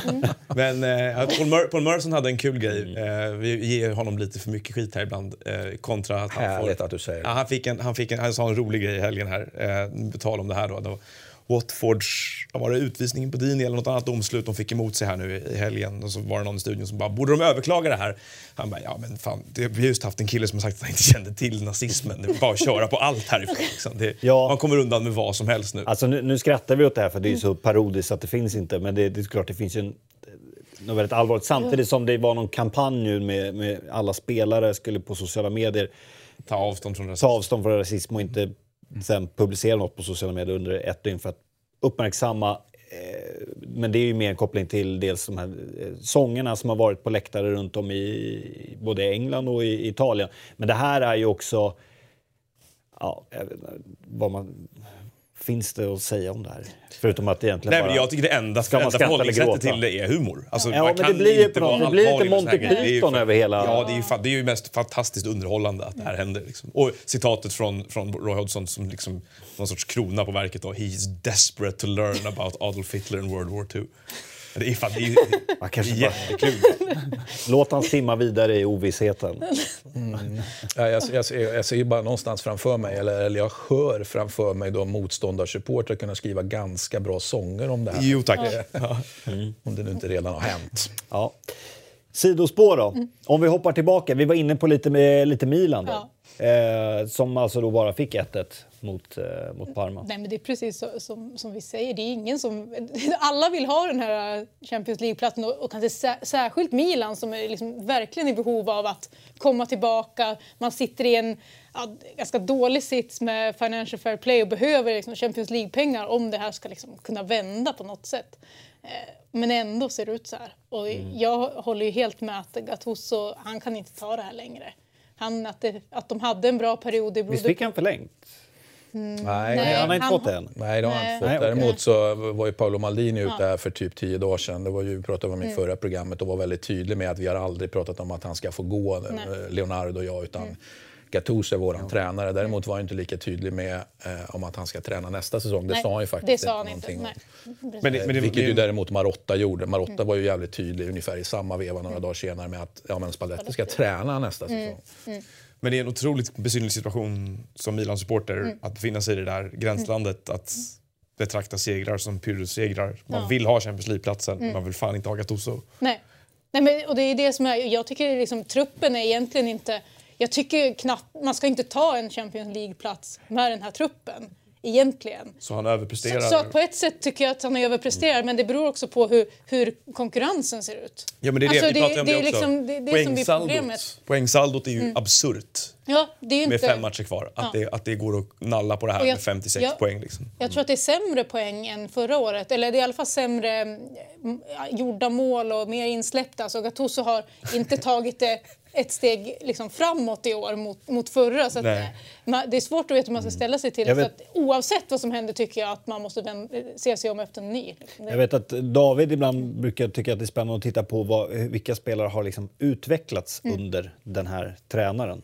Eh, i vilken klubb man än pratar om Ja. och i vilken serie man än pratar om. och, och, och det, Ser ni några i, i Milan då som... Där, där ty, jag tycker steg. inte det egentligen. Alltså de här unga som har... Bakayoko då Ja, Bakayoko, men det... har han ju ja. fått tillbaka på, på Ja, mattan. jag absolut, för han började ju så extremt dåligt i Milan. Sen har ju han blivit liksom en viktig bärande. Så Men i det är hans fall han- är det väl en revitalisering av honom Ja, jag, jag tycker också det. Det är Chelsea-helvetet. liksom ingen eh, spelare som Gattuso har fått fart på. Och att Piontek kommer att leverera, det är ju inte hans liksom, förtjänst heller. Alltså, det, Ja, det kan man ju Nej. säga. Han lyckades inte förstöra honom. Ja, Möjligtvis precis. det, ja. ja. Eh, finns, Ja. finns, finns tränare som inte ens klarar det. ja, Ja, nej, exakt. men så är det ju. Det kunde ha varit värre. Alltså det är liksom, och sen Roma som jagar bak, de har ju haft en, en dålig säsong och man har bytt tränare och ändå är det de två som liksom är närmast. Ja, Atalanta som spelar ikväll har ju en, en chans också. Men, och sen i Roma, det säger ju en del att eh, El Shaarawy är den liksom, han har varit bäst i Roma den här säsongen. El Shaarawy. Ja, och liksom han... ja, Han är, han är, det var ju precis som i Milan, när, när, när Milan var dåliga då var han bra. Lite den... Det är, ja, det vad, ja. heter, vad, kan, vad säger man för någonting? Kanariefågeln i gruvan på något sätt. Ja, men lite så. Ja. Eh, Det är, så det Ja, man är ju lite lätt som en kanariefågel, så det är ju en väldigt bra eh, liknelse måste jag säga. Det var elakt mot El Shaarawy nu, men han är ju Fin också... som en kanariefågel också. Jag menar, målet Alltså, jag han gör i helgen är ju... Jo, jo, men han men gör ju alltså- den typen av grejer som man tänker så här, fan shit, det här är ju en riktig jävla superspelare. Och sen kommer man på att ja, men han är ju El. Det vill säga, han, har ju, han har ju bevisligen representerat randiga lag. Va? Men, men det här är ju inte heller någon randig spelare i min värld. Det vill säga, det, han är inte tillräckligt eh, elak eller tuff eller vad det nu är för någonting. Alltså, mentalt håller han inte. Nej, och i, alltså, I sommar när Roma värvade på det här sättet det var väl ingen som trodde att han skulle ja, Få vara med. ja, Få vara med och, och vara liksom en, en, den som gör det för Roma. Så att det säger ju jättemycket. Det är, nej, så det är svårt. Det är mm, både Milan och, och Roma och Lazio som jag egentligen tycker man ser liksom, toppar. Och där, där finns ju en tränare som jag tycker är bra och som är stark och har en spelidé. Men ändå så lyckas inte de heller. Nej. De gör ju en, en motsvarande vika ner sig i den här Ja, perioden nej, men- som, som Milan har gjort faktiskt. Eh, precis. ser, det är, Och där tycker jag ändå det finns och där idéer. finns det ju spelarmaterial. Ja, och herregud. idéer från tränaren som faktiskt fungerar och som i vissa matcher, ja, när man vinner mot Inter för några, för några veckor sedan, ser skitbra ut och sen totalt... Och där har de till och med lyckats hantera det problemet. Som man kan tycka, det, kan, det kan ju vara ett problem egentligen för vilken klubb som helst när din givna målskytt inte fungerar. De har ju hanterat det. Caicedo Mm. gör ju mål när, eh, när han ersätter eller, och Immobile inte gör mål. Så att, Okej, det var inte det som var problemet. utan Det är någonting annat i någon annan lagdel. Och det, De har ju häng fortfarande. Ja, de men, absolut. det. Och de kanske tar det till slut. Alltså det, det, just nu verkar det som att alla försöker att inte ta det. Va? Men Ja, men i, I det faktum att det kanske är en svaghet då att det är så pass få poäng som krävs för att slåss om fjärdeplatsen så är det ju fortfarande sjukt spännande. Ja, det jo, här det- det- upplägget alltså med fem lag inom fyra poäng. Ja. Sen är alltså Atalanta och Torino egentligen är väl kanske de som förtjänar allra mest om man ska titta... Det går inte att göra det bäst, på det. ja. Ja, som gör det bäst och, om man ska se det liksom objektivt så. Samtidigt så ja, det behövs ju att Milan och Inter för italiensk fotbolls skull att de är tillbaka på ja, i Champions League och presterar. Så av den anledningen så är det väl de två klubbarna som behöver Champions Ja, de behöver League. De behöver det. Alltså, Roma, de, ja, de har gjort, gjorde det bra förra året och har gjort, spelat Champions League nu men det, ja, nu är Milan mitt lag så det är dumt att säga, sitta och säga här men man skulle ju vilja se Milan och Inter ett försök i alla fall att komma tillbaka till vad de var för hela ligans skull. Det, när man tittar på det här så kan blir ju frågan då, är det här, eh, man kan också säga att ja, det finns något bra, konkurrensbalansen är så fin att det är många lag som kan utmana. Jag ser det snarare som att det är en fråga om att alla är lika dåliga som att de är lika bra. Och har man det som utgångspunkt och som du säger då med två ytterligare lok som kan konkurrera i europeisk fotboll då. Det behövs ju lok som driver den här ligan närmare ett skede där de kan hävda sig igen och där Juventus inte får göra så här mer. Och då måste ju som du säger Inter och Milan ut och bygga på sig kapital med hjälp av europeiskt cupspel. Det är ju så enkelt. Visst, det är kul med Atalanta och Torino, det vore ju världens grej för dem. Men för ligans skull i, i längden, i toppduellen och att det ska bli en konkurrens med Juventus inom några år i alla fall, då, då behöver Milan och inte vara det. Mm. Och eh, apropå konkurrens så verkar det ju som att storklubbarna i Spanien bara kommer att bli rikare och rikare. Vi ska gå vidare till lite spansk fotboll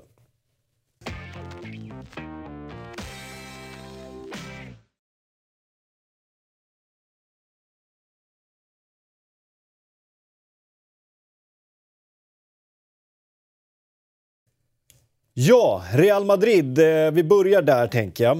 Eh, för att visst, eh, Barcelona kan ju faktiskt bli säkra ligatiteln nu i veckan om de vinner samtidigt som Atlético Atletico de Madrid tappar poäng. Då, då, är det, eh, då är det klart att Barcelona Eh, vinner ligatiteln och det är på något sätt bara det i alla fall jag går, går och väntar på ska ske. Men Real Madrid vann med, med 3-0 mot Athletic Bilbao och jag nämnde det att de bara blir rikare och rikare. Eh, och nu kommer ju rapporter att Real Madrid ska eh, signa eh, nytt kontrakt med Adidas vilket då enligt rapporterna betyder att de kommer få 100 miljoner eh, euro per säsong plus eventuellt 50 miljoner i bonus per säsong beroende på hur mycket man, hur merchförsäljningen går. Då är vi alltså uppe i att snart kommer då, om, och jag ser ju framför mig att de andra storklubbarna runt om i Europa kommer få liknande deals, att de här tröjtillverkar-dealsen ger mer pengar än tv-avtalen. Ja, det är ditåt det går. Jag såg att Osynlig Handen, vår vän här, Exakt. var ute och skrev om det här i veckan. För Liverpool är ju på väg att skriva ett avtal med Nike. Ja, va, kolla! Mm. Vad vi vi är på hugget här. Ja. Ehm, nej, och det är ju precis det han säger här. Alltså om Getafe skriver ett, lok- ett, liksom, ett avtal med en tröjtillverkare där exponeringen är mer regional än, än global så kommer det ju bli en helt ointressant liksom, konkurrensbalans tyvärr. Alltså, det är ju det är så det är. Och, Och då Det här vi plus- mot superligorna. det här plus tv-avtalen plus att du har Real, ja men då blir det ju så. Det är ju ingen mening att se de här konkurrera med, med, med liksom, det är som att NHL-lagen skulle möta lag i Hockeyallsvenskan. Liksom. Det, det funkar inte. Så det, det är eh, tidsfråga. Har vi sagt länge, men det är fortfarande en tidsfråga. Ja, eh, och eh, i, i väntan på det då så, så vann eh, Real med eh, 3-0 mot eh, Athletic Club Bilbao. Benzema gjorde hattrick, första sedan 2015 och Zidane säger att Benzema är världens bästa nummer nio just nu. Känn på det. Ja, det beror ju på hur, hur man definierar just nu. alltså, un, underbart Just vara- den kvällen. Ja, men alltså, i, i, I supermomentet nu så kanske han har rätt. Liksom. Men, men Men han har varit grym det senaste, så... veck, senaste veckorna. Alltså, Ja. och varit, varit, han är ju alltid bra spelmässigt nästan tycker jag. Det är, Ja, han har ju fått ganska mycket skit de senaste säsongerna. Och, Ja, men det är för att han inte- aldrig gör 20 mål. Men, han, men han, är ju, han gör ju sina mål och han är ju framförallt spelmässigt få anfallare som erbjuder lika mycket. Så. Och han har alltid kommit tillbaka efter Ja. att ha varit kritiserad. Det får man ju ändå ge honom. Och efter att ha haft en karriär som, som drabbades av mycket trubbel på andra håll och kanter så har ju det inte varit speciellt närvarande de senaste åren. Och han har hanterat den här utfrysningen ur landslaget och han har liksom... Jag vet inte, det är ju, eh, han har väl också rätt att mogna någon gång på något sätt kan man säga, även om han har gjort mycket fel och sådär. Så det är för mig en spelare som förblir gravt underskattad med tanke på vad han har uppnått i sin karriär och med tanke på att han har hållit tröja nummer nio i Real Madrid i ett decennium. Hur många spelare har gjort det? Liksom? Det är eh, framförallt hur många spelare som inte har varit Real-fostrade på det sättet. Det, han, är, han är ju en, en, eh, en mycket större Real Madrid-ikon än vad han får, i mina ögon i alla fall, än vad han får cred för. Eh, och eh, I andra delar av tabellen, eh, strax där under, så vann Getafe med 3-0 över- mot Sevilla. Urstarkt är det. Två VAR-straffar var det. Där den första tyckte i alla fall jag var... Älskar VAR. Ja, den första tyckte jag var lite eh, tveksam. Det är tvåhandssituationer. Eh, Den andra är inte så mycket att snacka om. Eh, Och det är den första som leder till just eh, 1-0. Men eh, ja, det är ju eh, ruskigt starkt ändå, oavsett vad. Att eh, Getafe går och tar en 3-0-seger och eh, är med där uppe. Då kommer vi tillbaka till det här att man den här tiden på året och vilket är ditt sanna jag eller detta jag här. Och du har två klubbar som ju då kommer ur den här ganska långdragna kampen om, om Champions League-spel i La Liga i både Valencia och Getafe som ser starkast ut. Eh, Valencia också som ju spelar i Europa och åker och vinner en, en åker hem igen och vinner en tuff match och har slutat kryssa nu verkar det som, börjat vinna istället. Och, och så har du Getafe som mycket väl har många skäl till att inte orka riktigt nu eh, med tanke på vilket lag de är. Men gör det. Och så att båda de två, vi pratar om vi såg två mästarlag i England så kanske man ser två lag här som visar att de har vad som krävs för att spela Champions League. Så det kommer bli väldigt små marginaler som avgör. Ja, precis. Och Valencia två poäng bakom Getafe. Vann ju med 2-1 mot eh, Real Betis. Cherchev eh, såg ut att... Jag vet inte vad det var som hände. Hans knä eller ben. Han tar ett steg och blir liksom sån här bakåt. Och det såg otroligt hemskt ut. Jag Ja. hoppas att eh, det inte var allt för allvarligt, men det såg inte bra ut. Eh, Å andra not- sidan, Guedes, så är det ju... Ah, han, ska, han ska ju vara en ännu större klubb känns det som nästan. Nu är de väl, Han går väl dit permanent nu om jag inte har missminner mig helt. Att de har väl en, antingen nyttjat en klausul eller så är den... Jag har faktiskt för dålig koll på det. Men han, måste, han, är, han är ju en... eh, Vilken stjärna alltså. Ja. Noterade också, om vi ser här på tröjan, eh, Real Betis hade alltså Bekymrande. återvunna eh, matchtröjor för att också, som vi kan se lite grann, uppmärksamma då eh, klimatfrågan. Eh, så att eh, 100% återvunna tröjor då. Synd, synd bara att de var, var rutiga och inte randiga då kan jag tycka. Ja. Men, eh, vi ska inte hänga upp, upp oss på det kanske. Nej. Och de köpte ju då loss Lo Celso, som vi pratade om förra avsnittet. Mm. Att efter, en, efter en stor säsong så nyttjade de den klausulen. Och jag var lite imponerad att han, jag kanske inte hade något val, vad vet jag, men att han kunde då ha valt att vraka på en ännu bättre klubbar känns det som. Eh, så att eh, styrkebesked av Betis och lyckas få honom permanent till sig då.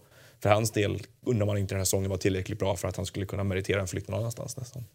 Bra pris också. Ja. Ja. Och eh, Villarreal tog eh, blytung seger mot eh, Leganes eh, 2-1 efter att ha åkt ut eh, ur eh, Europa League. Men det var ju på något sätt så här, nu säkrar de ju kontraktet så nu var det inget roligt eh, med Europa League längre. Äh, säkra har de inte gjort. Nej. Men, eh, det Men de går, hoppar i tabellen i alla Det går fall. väldigt, väldigt bra. Det går bra nu.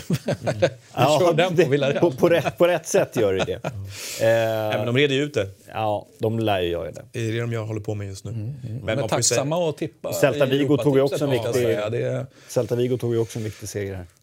Med 2-1 över eh, Girona. Så att eh, nedflyttningskriget eh, kriget är ju väldigt hett i La Liga. Jag vill ha Rayo kvar. Och så, vill jag, så kan Girona kan få ryka. Det fanns sex poäng upp, det borde inte gå med Rayo. Jag, men jag håller med, man vill ju, det är klart man vill det. Jag vill ha. Rayo och så Paco som tränar Rayo. Och så kör bara. Ja. Eh, som sagt, om Barcelona slår Deportivo Alaves på tisdag och Atlético de Madrid tappar poäng mot eh, Valencia på onsdag så blir då Barcelona eh, mästare i kavaj, som man säger då, eftersom Barcelona spelar dagen innan. Apropå Atlético de Madrid så eh, kommer det ju rapporter om att eh, Insigne kan vara på väg dit. Hade det varit eh, rätt steg för den herren? Jag vet Napoli. inte vad man ska säga egentligen om det. Jag, jag tycker en sak, och den viktigaste saken egentligen är ju eh, från att det då när Carlo Ancelotti kom liksom, så fick han ju ordning. Alltså målskyttet såg helt plötsligt intressant ut från Insigne. Det såg ut som att, att, att det hade tagits ett steg då, eller var på väg att tas ett steg. Och sen är det här också säsongen där det sakta men säkert eh, framgår med all önskvärd tydlighet att det, att det är Mino Raiola som är den som ska ratta Insigne. Och det känns som att ju längre vi har gått in i säsongen desto mer tveksam form har vi haft på, på, på Insigne. Det är min bild av det i alla fall. Eh, och då är det väl kanske läge för en flytt då. Eh, Alltså jag vet inte riktigt. Det är, det är ju på ett sätt väldigt tråkigt att han hamnat i händerna på, in, på Raila. Ja, nej. Och det, han började ju så bra och fick spela anfallet. Sen har han ju blivit utflyttad lite till kanten igen och hamnat längre från, från straffområdet. Det har ju inte varit bra för hans form och så lite skada på det och ett, ett Napoli som liksom har gått lite neråt. Så att, äh. Det var ju snack om Milan också hörde jag några rykte på, på Insigne. Men det är ju... Äh, får vi se.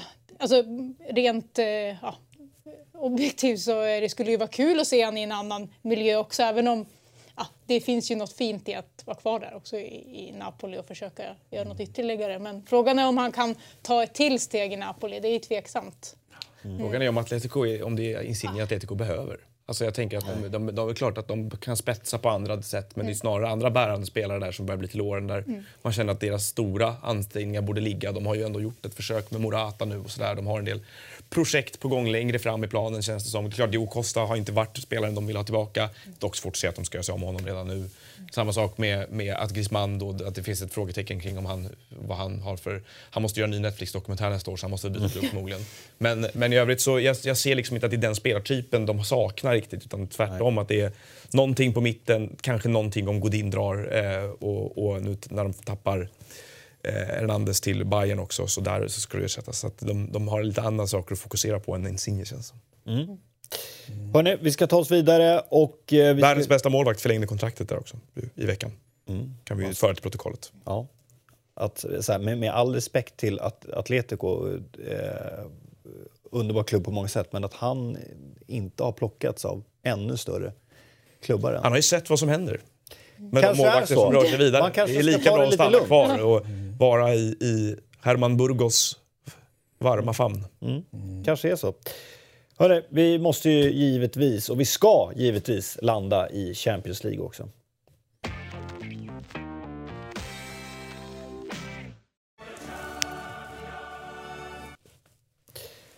Men först så ska vi också se hur det gick i omröstningen förra veckan eh, när eh, panelen håller på att bygga sitt Champions League-lag. Det var ju högerbackar förra veckan och det var Zanetti versus Dani Alves. Och eh, Zanetti vann ju den där ganska jämn eh, ändå. Jag trodde faktiskt Zanetti skulle vinna med större marginal med tanke på eh, att han rent objektivt sett, upplever jag, är ju mer eh, likable. Ja, man är ju älskad av alla, till och med milanister. Ja, men det finns ingen som hatar Sanetti.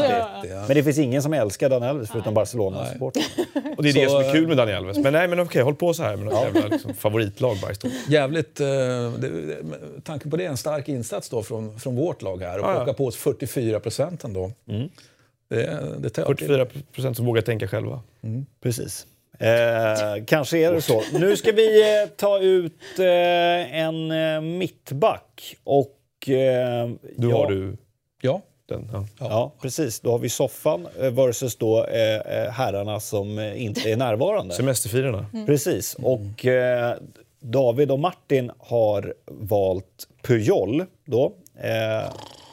Och det snarkar eh, Christian Ja, alltså vilken... vilken eh, nu såg jag också... Piol är väl ett vilken peak då? Nu pratar vi ju inte om lång och trogen tjänst här utan Nej. vi ska ju också ha en argumentation för vad var det då, vilken fantastisk säsong var det du var ute efter? Ja, här, det, jag kan ju inte svara för Nej, dem. det kan du jag inte. noterar vi vet bara... inte. Det får Nej. vi ta nästa, Men, nästa program. Det, han har ju eh, tre Champions League-titlar. 06, 09 och 11. Alla tre mot brittiska motstånd, Arsenal och United. 09 vart det väl 2-0 i finalen, tror jag. Mot United. Mot United. Där håller han nollan och eh, eh, är ju den eh, store defensiva ledaren i detta Barcelona under en period då de var som starkast. Sen, men som sagt, jag ska inte eh, lägga ord i munnen på eh, Martin och David. Jag bara fyller i lite mm. fakta här med vad han har presterat i, i mm. framförallt Champions League-finaler. Mm för eh, detta Barcelona. Men vi går vidare till soffans val. Ja, eh, det skulle på ett sätt... Eh, nej, nu var jag på väg att säga något som inte stämde. Jag var på väg att säga att det skulle kunna vara för lång och trogen tjänst också. Men mm. det är mm. inte riktigt samma här, för det är Järro vi har såklart. Mm. Järro, och då kan man ju få för sig att det finns fakta som säger att liksom, som man snubblar in i det här lång och trogen tjänst. Men det är ju framförallt när man tar den här Septima Coppa, när man då inte har vunnit sedan 65-66 Europacupen och det var liksom en förbannelse som det pratades om. att Det, var liksom, det spelade inte någon roll hur bra de såg ut att vara. Eh, sen tyckte ju oftast supporterna till Real Madrid om att de var lite bättre än vad de faktiskt var, tyckte vi neutrala. Eh, men den förbannelsen den, den eh, åkte ju all världens väg då och slutade med seger mot Juventus i finalen. Och om man tittar på den laguppställningen så kan man ju få för sig att det där var ett för jävla fint eh, liksom Real Madrid. Va? Men då hävdar jag med bestämdhet att det var inte, alltså namnen till trots, så var det där ett ganska ihåligt och hackigt Real Madrid. Eh, och eh, det är Jerry så bär de hela, hela spelet, hela CL-spelet fram då till finalen. Och eh, liksom håller ihop det där på ett sätt som är helt sensationellt bryter förbannelsen. Så det här är, trots att han då har spelat så mycket och andra så säga, finaler också, så, så, så, är det här verkligen en, en one-off-grej då, som mm. soffan är kapabel att plocka ut. Då. Mm. Härligt. Och eh, då kan ni alltså eh, rösta på Eurotalks eh, Twitterkonto vem av dessa två herrar som ska in i Champions League-elvan här. Röstade man på Zanetti så får man inte rösta på Hero nu. De har valt sida. De har valt sida. Mm. Mm. Så är det. Ja, men det Hård soffa. Ja, men fan vi... vi ja. Apropå vara, apropå vara likeable. Eh. Ja, we couldn't care less. så är det Men så kan man ju då också eh, komma med egna förslag. Man kan nominera då eh, på, på Twitter. Och då har man, eh, har man en riktigt stark eh, nominering så kan man vinna då en Champions mm. League-boll. Och vi har ju väl en vinnare då från eh, alltså då, högerbackar från förra veckan. Mm. Ja, det här tyckte jag var ett alldeles utmärkt svar. Ett svar som gör ju ont i hjärtat på mig eftersom det handlar om en, en final där jag förlorar med Arsenal. Mm. Men eh, en inbytt Beletti då som då, eh, jag har inte ens faktiskt faktacheckat att det verkligen är hans, hans första mål för Barca. Men jag tar för givet att, mm. att Johan här har, har eh, koll på den grejen. Så att eh, han är bollen är hans helt enkelt. Han är av allt att döma curling Ja, men det, det är och då är det väldigt mycket som talar för att han har koll på det. Ja, exakt. Mycket bra iakttagelse. Jag kollar faktiskt det. Han är eh, curlingspelare. Ja, du ser. Henke Larsson med två ass. I, uh, ja, precis. Vad sa du? Henke Larsson med två assist i uh, Jo, men jag tänkte, jag tänkte det är bra, bra att du tar upp det. För det är egentligen, det, det är, alltså, om, man, om man vill vara likeable och vi sitter trots allt i Sverige nu, även om jag försöker att vara mentalt någon annanstans och, och Noah också. Jo, tack. Så, så hade det enkla varit att, eh, jag menar Henke Larsson, han gör väl inte människa glad i, i CL-perspektiv eftersom han då envisades med att vara kvar så länge där uppe i Skottland. Mm. Så, så hade du på ett sätt gått att argumentera för Henke Larsson här, bla bla bla bla. Eh, eh, snyggt då att ta Beletti. Johan tänker fritt. Mm. Bra gjort. Beletti hade en riktigt deppig epilog i, eh, i Chelsea sen, hade han inte det? Det var en sån här, när det var Barca-sjuka i England. När de skulle bara plocka de som var över i det här laget och ta rest, samla upp resterna efter Pep. Och Chelsea Ja, det var samma sak som med Porto där när det var manish åt ena hållet och fram och tillbaka och det, ingenting funkade. Men, jag, vet, jag kan ta upp många matcher. Känns Nej, men jag tänker så här, känslan är ju att han gjorde inte en människa glad varken före eller efter. Det är klart han måste ha gjort någon glad eftersom han faktiskt fick en transfer till, till Barca. Men det här är ju en sån liksom, extrem peak ändå kan jag tycka. Det är lite så här Lars Ricken-varning då. Eh, en liten hjälp då om ni ska nominera lite längre fram i banan sen. Men det är ju ett klassiskt eh, exempel. Men fråga om jag inte Ett ännu bättre. Alltså. Nej. Men härligt då. Så Johan, grattis till dig. Du vinner en sån här eh, eh fin Champions League-boll och eh, ni andra kan alltså ta han chansen. Ju, han gjorde ju, han gjorde, jag, mitt minne sviker mig. Han gjorde ju tre år i Chelsea. Och tre matcher. 54 matcher, fem mål. Aldrig ett ligamål för Barca. Men det ni gör är alltså, ni går in på eh, Eurotalks Twitterkonto där man då kan rösta på vilken av de här mittbackarna, eh, Ero eller Piol, och så nominerar ni en spelare som utmärkt sig på ett speciellt sätt i Champions League och då är det alltså en mittback eh, den här veckan. Och eh, har ni en riktigt vass Till vänster då för att vara tydlig. Precis. Mittback till vänster. Och har ni en riktigt ja. bra nominering här nu så har ni chans att vinna en sån här Champions League-boll helt enkelt. Det ska bli intressant att se hur många som nominerar vänsterfotade mittbackar här. Mm. Sånt där är jag lite, det kan en liten hint där, jag är lite svag för sånt. Mm. Eh, att, man, att man har en vänsterfot på, på just vänsterpositionen där. Så att, eh, jag säger inget mer nu. Nej. Hörrni, om vi ska landa i matcherna och eh, City-Tottenham, där Tottenham tar sig vidare på ett av de mest galna sätt jag upplevt. Det har börjat säljas kepsar nu. Mm -hmm. Med bara no goal var offside, som Spurs-fansen har börjat köpa. Det kunde man ju eh, ana. Som är Älskvärda. Men du, Man måste Noah, uppskatta, man måste uppskatta det. Noah när, när hela den här situationen uppstår med, med Pep som firar det här målet och springer och sen går ner på knä eh, och inte kan förstå vad, vad, vad det är som sker och, och det blir också så iskallt eh, eh, VAR-beslut att det är så här, det inte går att titta på skärmen utan det är eh, bara, det är offside, det är ingen mål, så. Och så bara rycks de ur. Och så tar han av sig tröjan direkt. Så du, han tog av sig tröjan det första han gjorde. Han började liksom... Fan. Mm. Men, Du, eh, men, du menar den tröjan? Ja. Vilket ju är rätt intressant, för det är ju någonting med den här. Den här har han väl ändå haft bara den här säsongen. Den hade han ju inte förra hade han säsongen. inte förra året också? Är inte den turtröja? Den är väldigt noppig nu ser man här. Ja, men jag tycker ändå att, att han har ju ofta varit... eh, Han har ju, Han har ju förklarat att det är hans fru har ju någon eh, klädbutik och, och, och hon säljer den här. Eh, och tyckte att han ska ha den då. Ja, men jag tycker att det är, han har tänkt fritt i det. Jag vill komma till stilpoängen här. Han har ju tänkt fritt i, i tränarklädsel under väldigt... Han har lärt sig kanske av, av, av Cruyff och allt möjligt annat, vad vet jag. Det har oftast varit väldigt stor poäng i, i en fotbollsvärld i alla fall att titta på honom, hur han har sett ut. Men här tycker jag verkligen att han har gått eh, fel. Och jag, jag ser en otrolig symbolik liksom, i, i att det händer.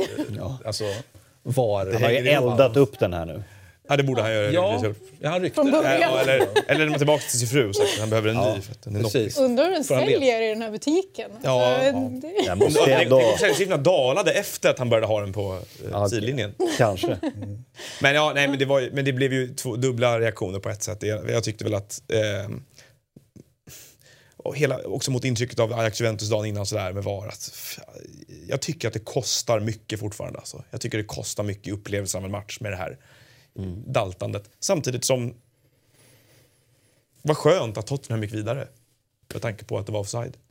Och eh, eh, vad skönt att, eh, att slippa höra det här tjatet om att den där klubben skulle ha någon svart magi kastad över sig och så att de aldrig kan få med sig ögonblicken. Vad skönt att slippa höra. Tottenham-supportrar gnälla framöver nu. Därför att nu är martyrskapet förbi. Nu är det över. Nu, that's it. Nu är det brutet. Nu är ni tillbaka med på. Ni skulle ha Champions League-final mot Ajax, semifinal mot Ajax med, med en gyllene möjlighet att gå till final. Så jag vill aldrig mer... Nu är det liksom Är det, tronskift, eller liksom, det är ett paradigmskifte på det sättet. hur högt sätter du den här på liksom, mest bizarra eh, Champions League-matcher du, du upplevt? Eh, jag menar, vi har ju inledningen, bara den, med, med fem eller fyra mål på drygt tio minuter. Och, Ja.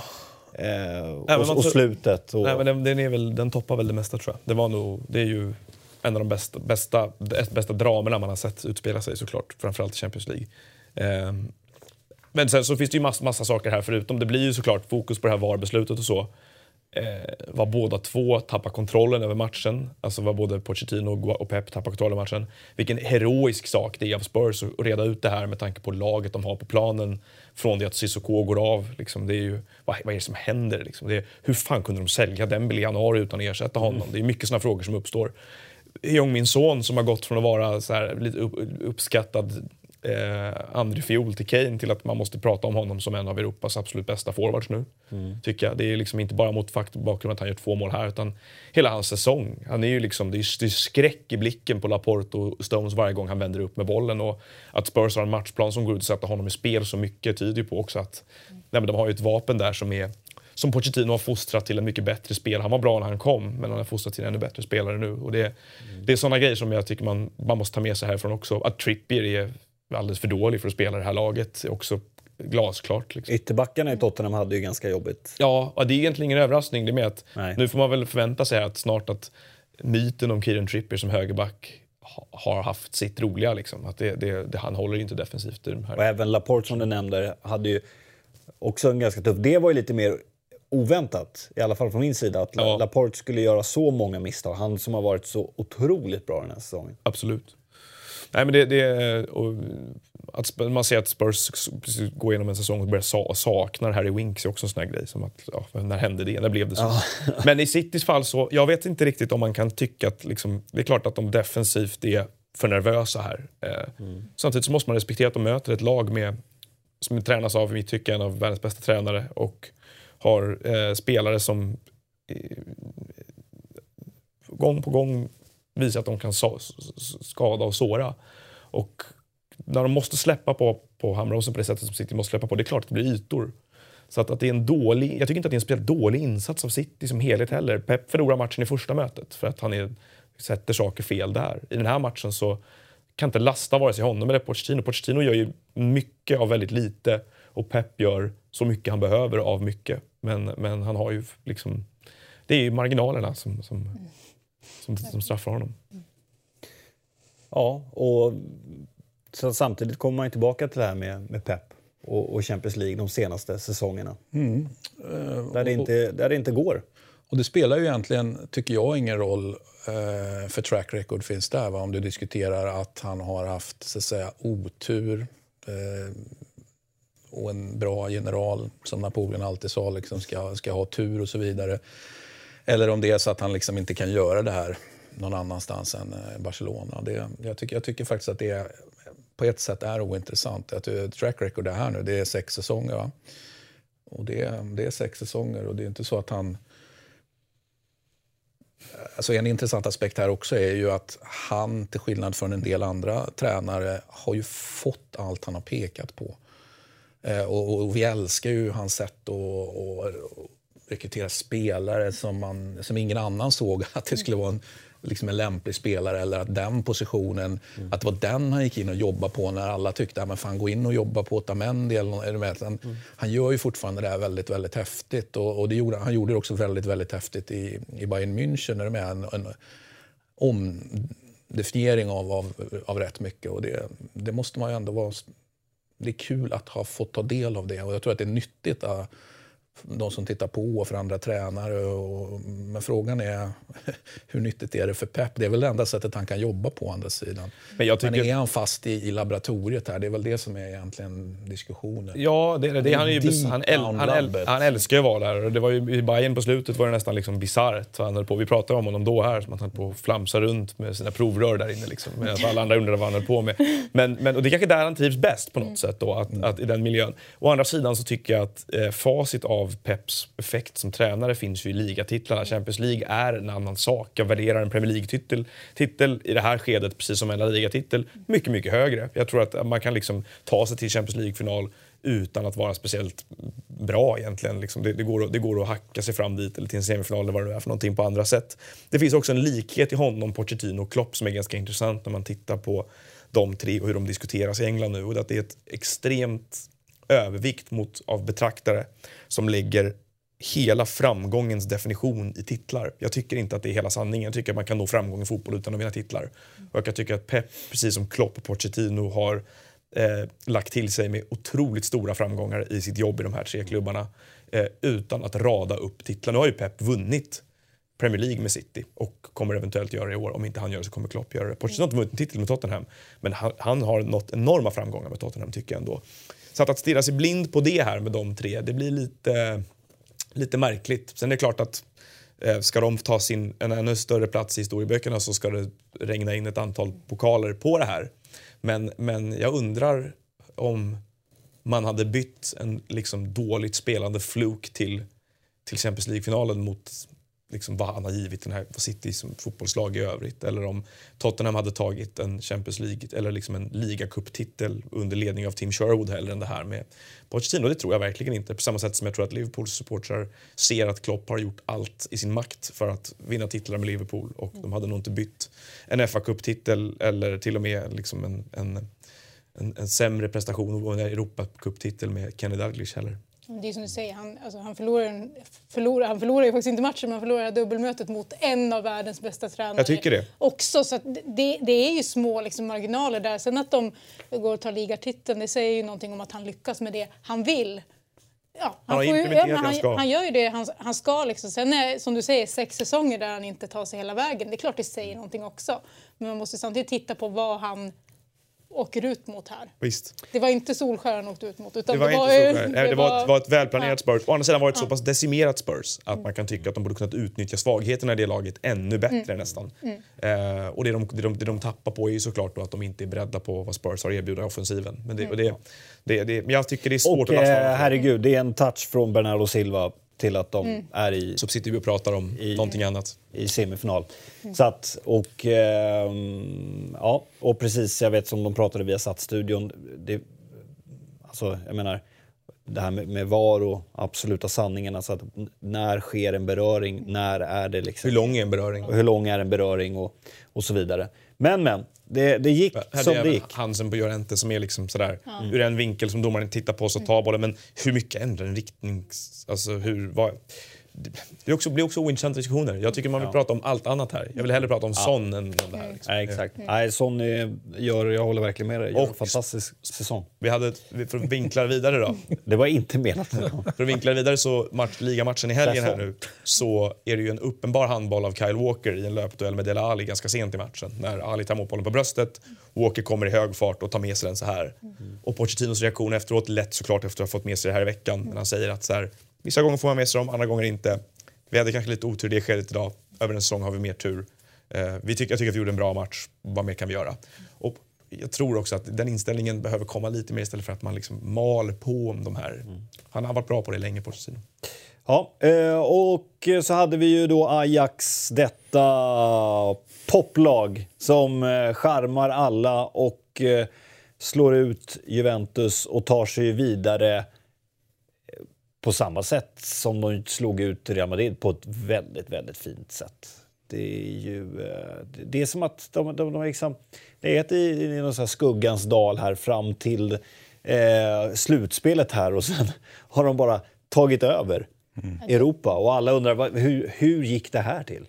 Då, då, Var kändes- kom ni ifrån? De kändes helt oberörda av att man liksom var i ledning också. Det var liksom, vi, vi gör vår grej och vi spelar ut matchen och vi är fantastiskt imponerande att man liksom bara inte blir tagen av stundens allvar där att nu har vi det här utan att man, man, känner, man är så trygg i sin egen idé och hur man vill spela att man, ja, Juventus är inte nära. Nej, men när de gör 2-1 så är det liksom, hur kunde det ta så här lång tid? Varför blir det inte 3-1? Alltså, det är ju, och det, men det är en helt bisarr match att titta på på det sättet. Ja. Det och det här Samtidigt, laget, samtidigt tycker jag inte liksom Juventus gör ju liksom inga stora grundfel i hur man försvarar och sådär utan de, de lyckas inte rå på det. Det är inte så att det rinner igenom hela tiden men kommer man, man kommer inte åt dem och man kan inte kontrollera matchen även fast man, jag tror man hade mer bollinnehav till och med Juventus. Fast man kanske inte kan tro det. Men att man, ja, ändå får man inte kontroll på det här. det är väl också den här slutforceringen Ajax låter Ja, Juventus stå jag med bollen lite att det utan att skapa någonting. Också. Men alltså, även man har ändå en del boll i Juventus men det blir ingenting av det. Utan, Och sen är man ju, jag, jag tror jag twittrade någonting om det när det hände, men det är få saker som är lika stämningsfulla som när en kapten, en mittback som är kapten, tröttnar på att se att alla anfallare missar chanserna när laget dominerar och går upp och bara “jag får väl göra det här själv då”. Och så är det strålkastare och man är kapten och man är 18 år och man är med Ajax i Turin och det är liksom kniven mot strupen och så bara trycker man in den på något sätt. Det är, de kommer inte jätteofta men de där målen är, de har något extra. Och eh, som sagt, vi har varit inne på det tidigare, men eh, det blir ju samtidigt en, en floppstämpel på, på Juventus, Christian. Ja, det går inte. Jag, jag kan inte få det till något annat. Om det är flopp eller katastrof eller, eller vad det nu är vi ska använda för ord. Det här är... Nej, det, Så det är ju hela tiden prat om att man, man, kan inte begära, alltså man kan inte begära att man ska så att säga, bara gå in och vinna Champions League. Nej, men så är det ju. Man, alltså, men, men man kan begära mer och det här var ett dubbelmöte som jag redan har konstaterat. Och De här stora klubbarna då som vill vara bäst i världen, det vill, Juventus vill ju vara bäst i världen, eh, de programmerar ju bort osäkerhet. De, Okej, vi kanske förlorar ett, ett möte i ett dubbelmöte, men vi förlorar inte dubbelmöte. Det är ju liksom, det, är det, man, det är det man strävar åt hela tiden. Och här är man ju så otroligt och, och, och dessutom får avsluta på hemmaplan. Det, det betyder också att det ska vara ännu bättre läge liksom att göra det här. Och investeringen av Ronaldo, det, det är klart man måste ju prata om den. Han, han kommer ju bara för att de ska vinna den här titeln. Så är det ju. Han behövdes ju inte för någon åttonde ligatitel på något sätt. Utan, utan höll jag på att säga tvärtom. Det, det går ju att argumentera för att hans närvaro i Juventus kanske är fantastisk så tillvida att övriga spelare får se, eller kanske unga spelare får se om han, om han nu tränar väldigt dedikerat, vilket är ju ett jävla tjat om att han gör. Alltså, vi får någonstans tro att det är så. Men det finns ju också spelare, han har ju sållat agnarna från vetet också. Det finns ju vissa spelare som inte har pallat hans närvaro och då Dybala är såklart är det bästa exemplet. Dybala dör ju eh, i, i samma ögonblick som Cristiano Ronaldo kommer in här. Var det smart att döda Dybala? Ja, jag vet inte. Men det kanske är liksom... sånt som händer i krig helt enkelt. Va? Du, du får offra vissa grejer. Jag tycker liksom Dybalas, alltså han är, hans spelartyp har de ingen annan i Juventus. Att han Nej. har dött här i Juventus, det, mm. det, det har inte varit något bra för Juventus spel.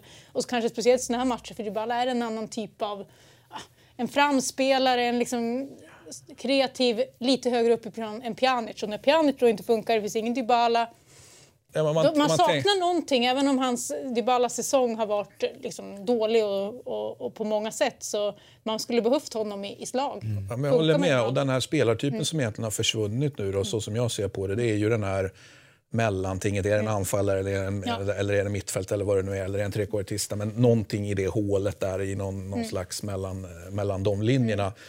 Det vill säga det är en Platini, det mm. är en, en Del Piero. Det vill säga mm. det som har behövts ja. när Juventus ska vara som bäst. Mm. Och nu har de fått någonting annat och folk får fram till höger och vänster på alla möjliga kanter. Mm. Och, och, liksom, och, det kanske man har fått att fungera på ett sätt. Och, eh, och, och Matuidi har varit duktig på att fylla på från, från mittfältet och Pjanic är dukt, har, har varit i till stora delar jätteduktig där lite längre bak. Men mm någonstans är det ganska uppenbart att på Dybala-positionen så, så saknas det någonting. Nej, i, I ligan så har man ju spelat, liksom ett helt, man har spelat liksom inläggsspel till stor del. Det såg man mot Fiorentina här i matchen också. Att man, det är mycket inlägg på, på Ronaldo. Det, det ser ut så, in, in i boxen. Och man, så, man saknar den här ja, offensiva playmakern i, i Dybala, den, den rollen. Och tittar man lite statistiskt så finns det statistik på att både Dybala och eh, Pjanic har under säsongen börjat spela passningar mer i sidled, det är mer byta kant ut på kanten. Mm. De här raka igenom, de har saknats och det är väl en, kan man tänka sig i alla fall, ett, ett resultat av att samarbetet med Ronaldo och den Ja. Och den spelaren Ronaldo är. Ja, du ska, liksom, ska, ska, du mata honom med, ja. ska du mata honom med centrala ja. Eh, framspelningar? Nej, Nej, det ska Nej. du inte. Du ska, du ska mata honom med inspel där han kan vara först på bollen. Liksom. Och där, liksom, där hade man kanske en annan spelare i, i Iguain tidigare. Att det var mer, ja, man kunde sätta in, det var kombinationsspel på ett annat sätt. Det har man ju saknat. Samtidigt har man ju fått en, en jättestyrka i inläggsspelet som har lönat sig på många sätt. Liksom. Men då har man kanske bara det då istället det är problematiskt att Dybala har, att det har gått den här riktningen för honom. tycker jag. låter som att vi har en alternativkostnad här. Mm. Absolut. Mm. Utan att ha alternativkostnaden här. Ja. Nej, så, så, så, har vi det faktiskt. Mm. Så att, eh, ja. Nej, det är spännande att se och det blir jättespännande att se nästa säsong också om man, om man fortsätter att ha effekt på, på övriga spelare så att säga. Mm. Alltså han, han, har ju effekt på allt möjligt. Alltså han har väl rimligtvis också effekt på vilka spelare som vill komma och spela med honom. Det är rimligtvis en positiv effekt, tror jag de allra flesta mm. spelarna tycker. Va? Men, men, eh, Marcelo, är, Modric och Kroos i sommar då? Ja, man är mycket att förhålla sig till helt ja. enkelt. Och en sol som allting helt plötsligt ska... Alltså, vem är solen här egentligen? Alltså, I min värld så ska Juventus vara solen. Det är Juventus som är klubben. Mm.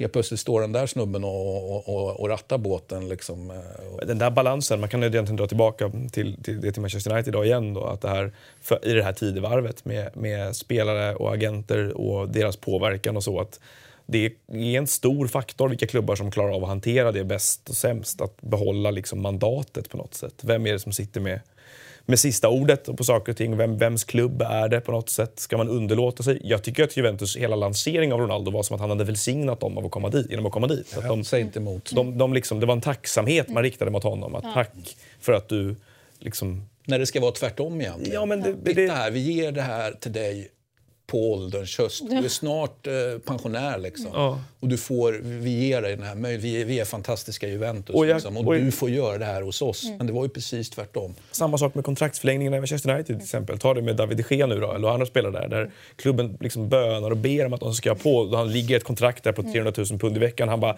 jag vet inte riktigt, kan det vara tyst en stund? Mm. Det är liksom en maktbalans där. Och som, det skiftet har varit pågått under längre tid. Men jag tror att mer och mer kommer bli tydligt. De stora klubbarna i Europa som helt kan röra sig oerhört mer med de som hittat ett sätt att hantera det på. Och då gäller det att vara väldigt tydliga och också välja och värva rätt spelare. Inte hamna i knät på till exempel då eh, agentsfärer eller andra liknande som, som vill diktera villkoren på det sättet. Utan hitta spelare som, som kan underordna sig på det sättet. Mm. Och där har Juventus varit väldigt duktiga tidigare på fram, fram tills Mendes-sfären då gör sitt intåg här. Nu är ju både Cancelo och och, eh, och eh, Cristiano Ronaldo. Men man har varit väldigt duktiga tidigare på att hantera och verkligen markera mot sfärer. Till exempel Raiola. Han är ju ingen svär, men han är, han är ju, han är ju Raiola. Han är väl en svär i sig kanske. Men, men att man verkligen ja, men man låter även en person som Raiola förstå att det är vi som bestämmer. Trots att du är Raiola, du har de här fantastiska spelarna. Du är inte, du är inte i närheten av att få bestämma de här grejerna. Eh, mm. Det har hänt någonting här med, med möjligtvis att Mendes då är potent på ett annat sätt än Raiola. Det ska bli väldigt spännande att se den fortsättningen. Mm. Han skickar hela gänget till Wolves om de inte sköter sig. Exakt. Och eh, Barcelona slog ut eh, Manchester United och eh, Liverpool eh, klarade av det som många förväntade sig av dem, nämligen att slå ut eh, Porto. Och då har vi eh, Barcelona-Liverpool. intressant här med Barcelona som får börja på hemmaplan mm. och avsluta på på Anfield. Och så har vi då Tottenham mot Ajax. Vi kommer säkert prata lite mer om det nästa vecka, men eh, lite kort ändå intressant att höra vad, vad ni tänker. Vilka, vilka, ser ni, vilka tror du vilka kommer spela finalen? Ja, jag måste säga Barcelona ändå, på grund av Messi. Det är liksom, det, jag tror att det är den X-faktorn som de har. Samtidigt tror jag att Liverpool kommer göra det svårt för dem. Men vet, han har varit så pass avgörande och så pass bra den här säsongen Messi så att det, jag tror ändå det. Det andra mötet, det är svårt båda mötena, jag ska inte sitta nej, jag vet inte. Ja, men med men, tanke på vad som har hänt. Ja, nej, men alltså, Liverpool har ju sett eh, fantastiska ut ja, hela säsongen och liksom har tagit ett steg från förra året och man redan då var egentligen nästan tillräckligt bra för att, för att vinna. Då. Så att, det, det är svårt både och. Och som sagt, det är, det är bra tränare, vi har pratat om det. Det är starka namn som sitter här och, och Ajax då, som imponerat så otroligt. Varför skulle inte de kunna göra samma sak mot... Ah, det, det är omöjligt att tippa tycker jag. Ja, okay. skönt, skönt slagläge ändå för Tottenham här. Jag drev ju tesen inför dubbelmötet då att eh, i alla fall eh, innan domaren blåste igång första matchen så var det verkligen 0% press på Tottenham. Man hade bara allting att vinna. Och nu, nu är man ju faktiskt inte exakt i, i motsvarande position. Oddsmässigt tror jag Ajax är favorit. Med Ajax eh, uppträdande här nu då så, så, så är det ju fortfarande så att pressen, jag skulle säga att pressen är på Ajax här och inte så mycket på, på Tottenham. Sen om Ajax, unga Ajax verkligen fattar att, att pressen är på dem. Det är en annan femma. Va? De har inte fattat mycket hittills av den men, men Tottenham i alla fall har ett superslagläge här. Och det ska inte överskattas det faktum att Kane verkar försvinna nu här. För att som sagt, jag upplever att Son är ju någonting annat. Alltså. Det är vad de, de får mycket av Kane, det, det är ju odiskutabelt. Men fan vad de får mycket av Son också. Och det är, eh, de, jag, jag tror att de... Jag, jag tippar Tottenham Liverpool i final. Jag tror att de löser det här båda två faktiskt. Ja, eh, jag säger eh, Ajax-Liverpool. Jag men, säger ingenting just nu. Men... Nej. Vi, snackar, vi snackar också om spelarna som ska då det är exporteras, också tippa, att, exporteras att, att det är så svårt. Ur Ajax. Det är tråkigt typ. Nej, men vid sidan av de Jong ja, så, är det, ju, så är det ju de Ligt och, och van de Beek och de här som, mm. som ska bort nu. Erik Ten Hag, tränaren, är redan aktuell för Bayern München. Så det är ju, mm. Och det kanske är ju smart att titta ditåt av Bayern München. Då, såklart, de tittar ju på Delict också, och, och, och, men att eh, och sen det, här är en, det här är en lysande tränarprestation. Alltså. Ja, verkligen. Och sen har du ju då i Tottenham-lägret ex-Ajax-spelarna som nu ställs mot klubben där det liksom bar iväg. Karriärsmässigt, Christian Eriksen bland annat. Mm. Så att, eh, ja, det är många. blir en kryddad extra inför eh, den semifinalen. Men eh, det är ju eh, en och en halv vecka bort tills de där eh, spelas. Så vi kommer säkert prata lite mer om dem eh, nästa vecka. Riktigt högt skuren t-shirt på Eriksson. Under. Ja. Det är som att han har någon annan, eller säga, eh, Davidsson Chances matchtröja på sig under ja, det, det den andra matchen. Framgångsreceptet. Hörni, tack för idag. Eh, stort tack Vicky för att du kom hit igen. Du är alltid välkommen. Eh, gissar att du ska kommentera någon fotboll till helgen? Jag tror det. Mm. Jag vet faktiskt inte vilken match. Nej, vi får se. Vi hoppas det.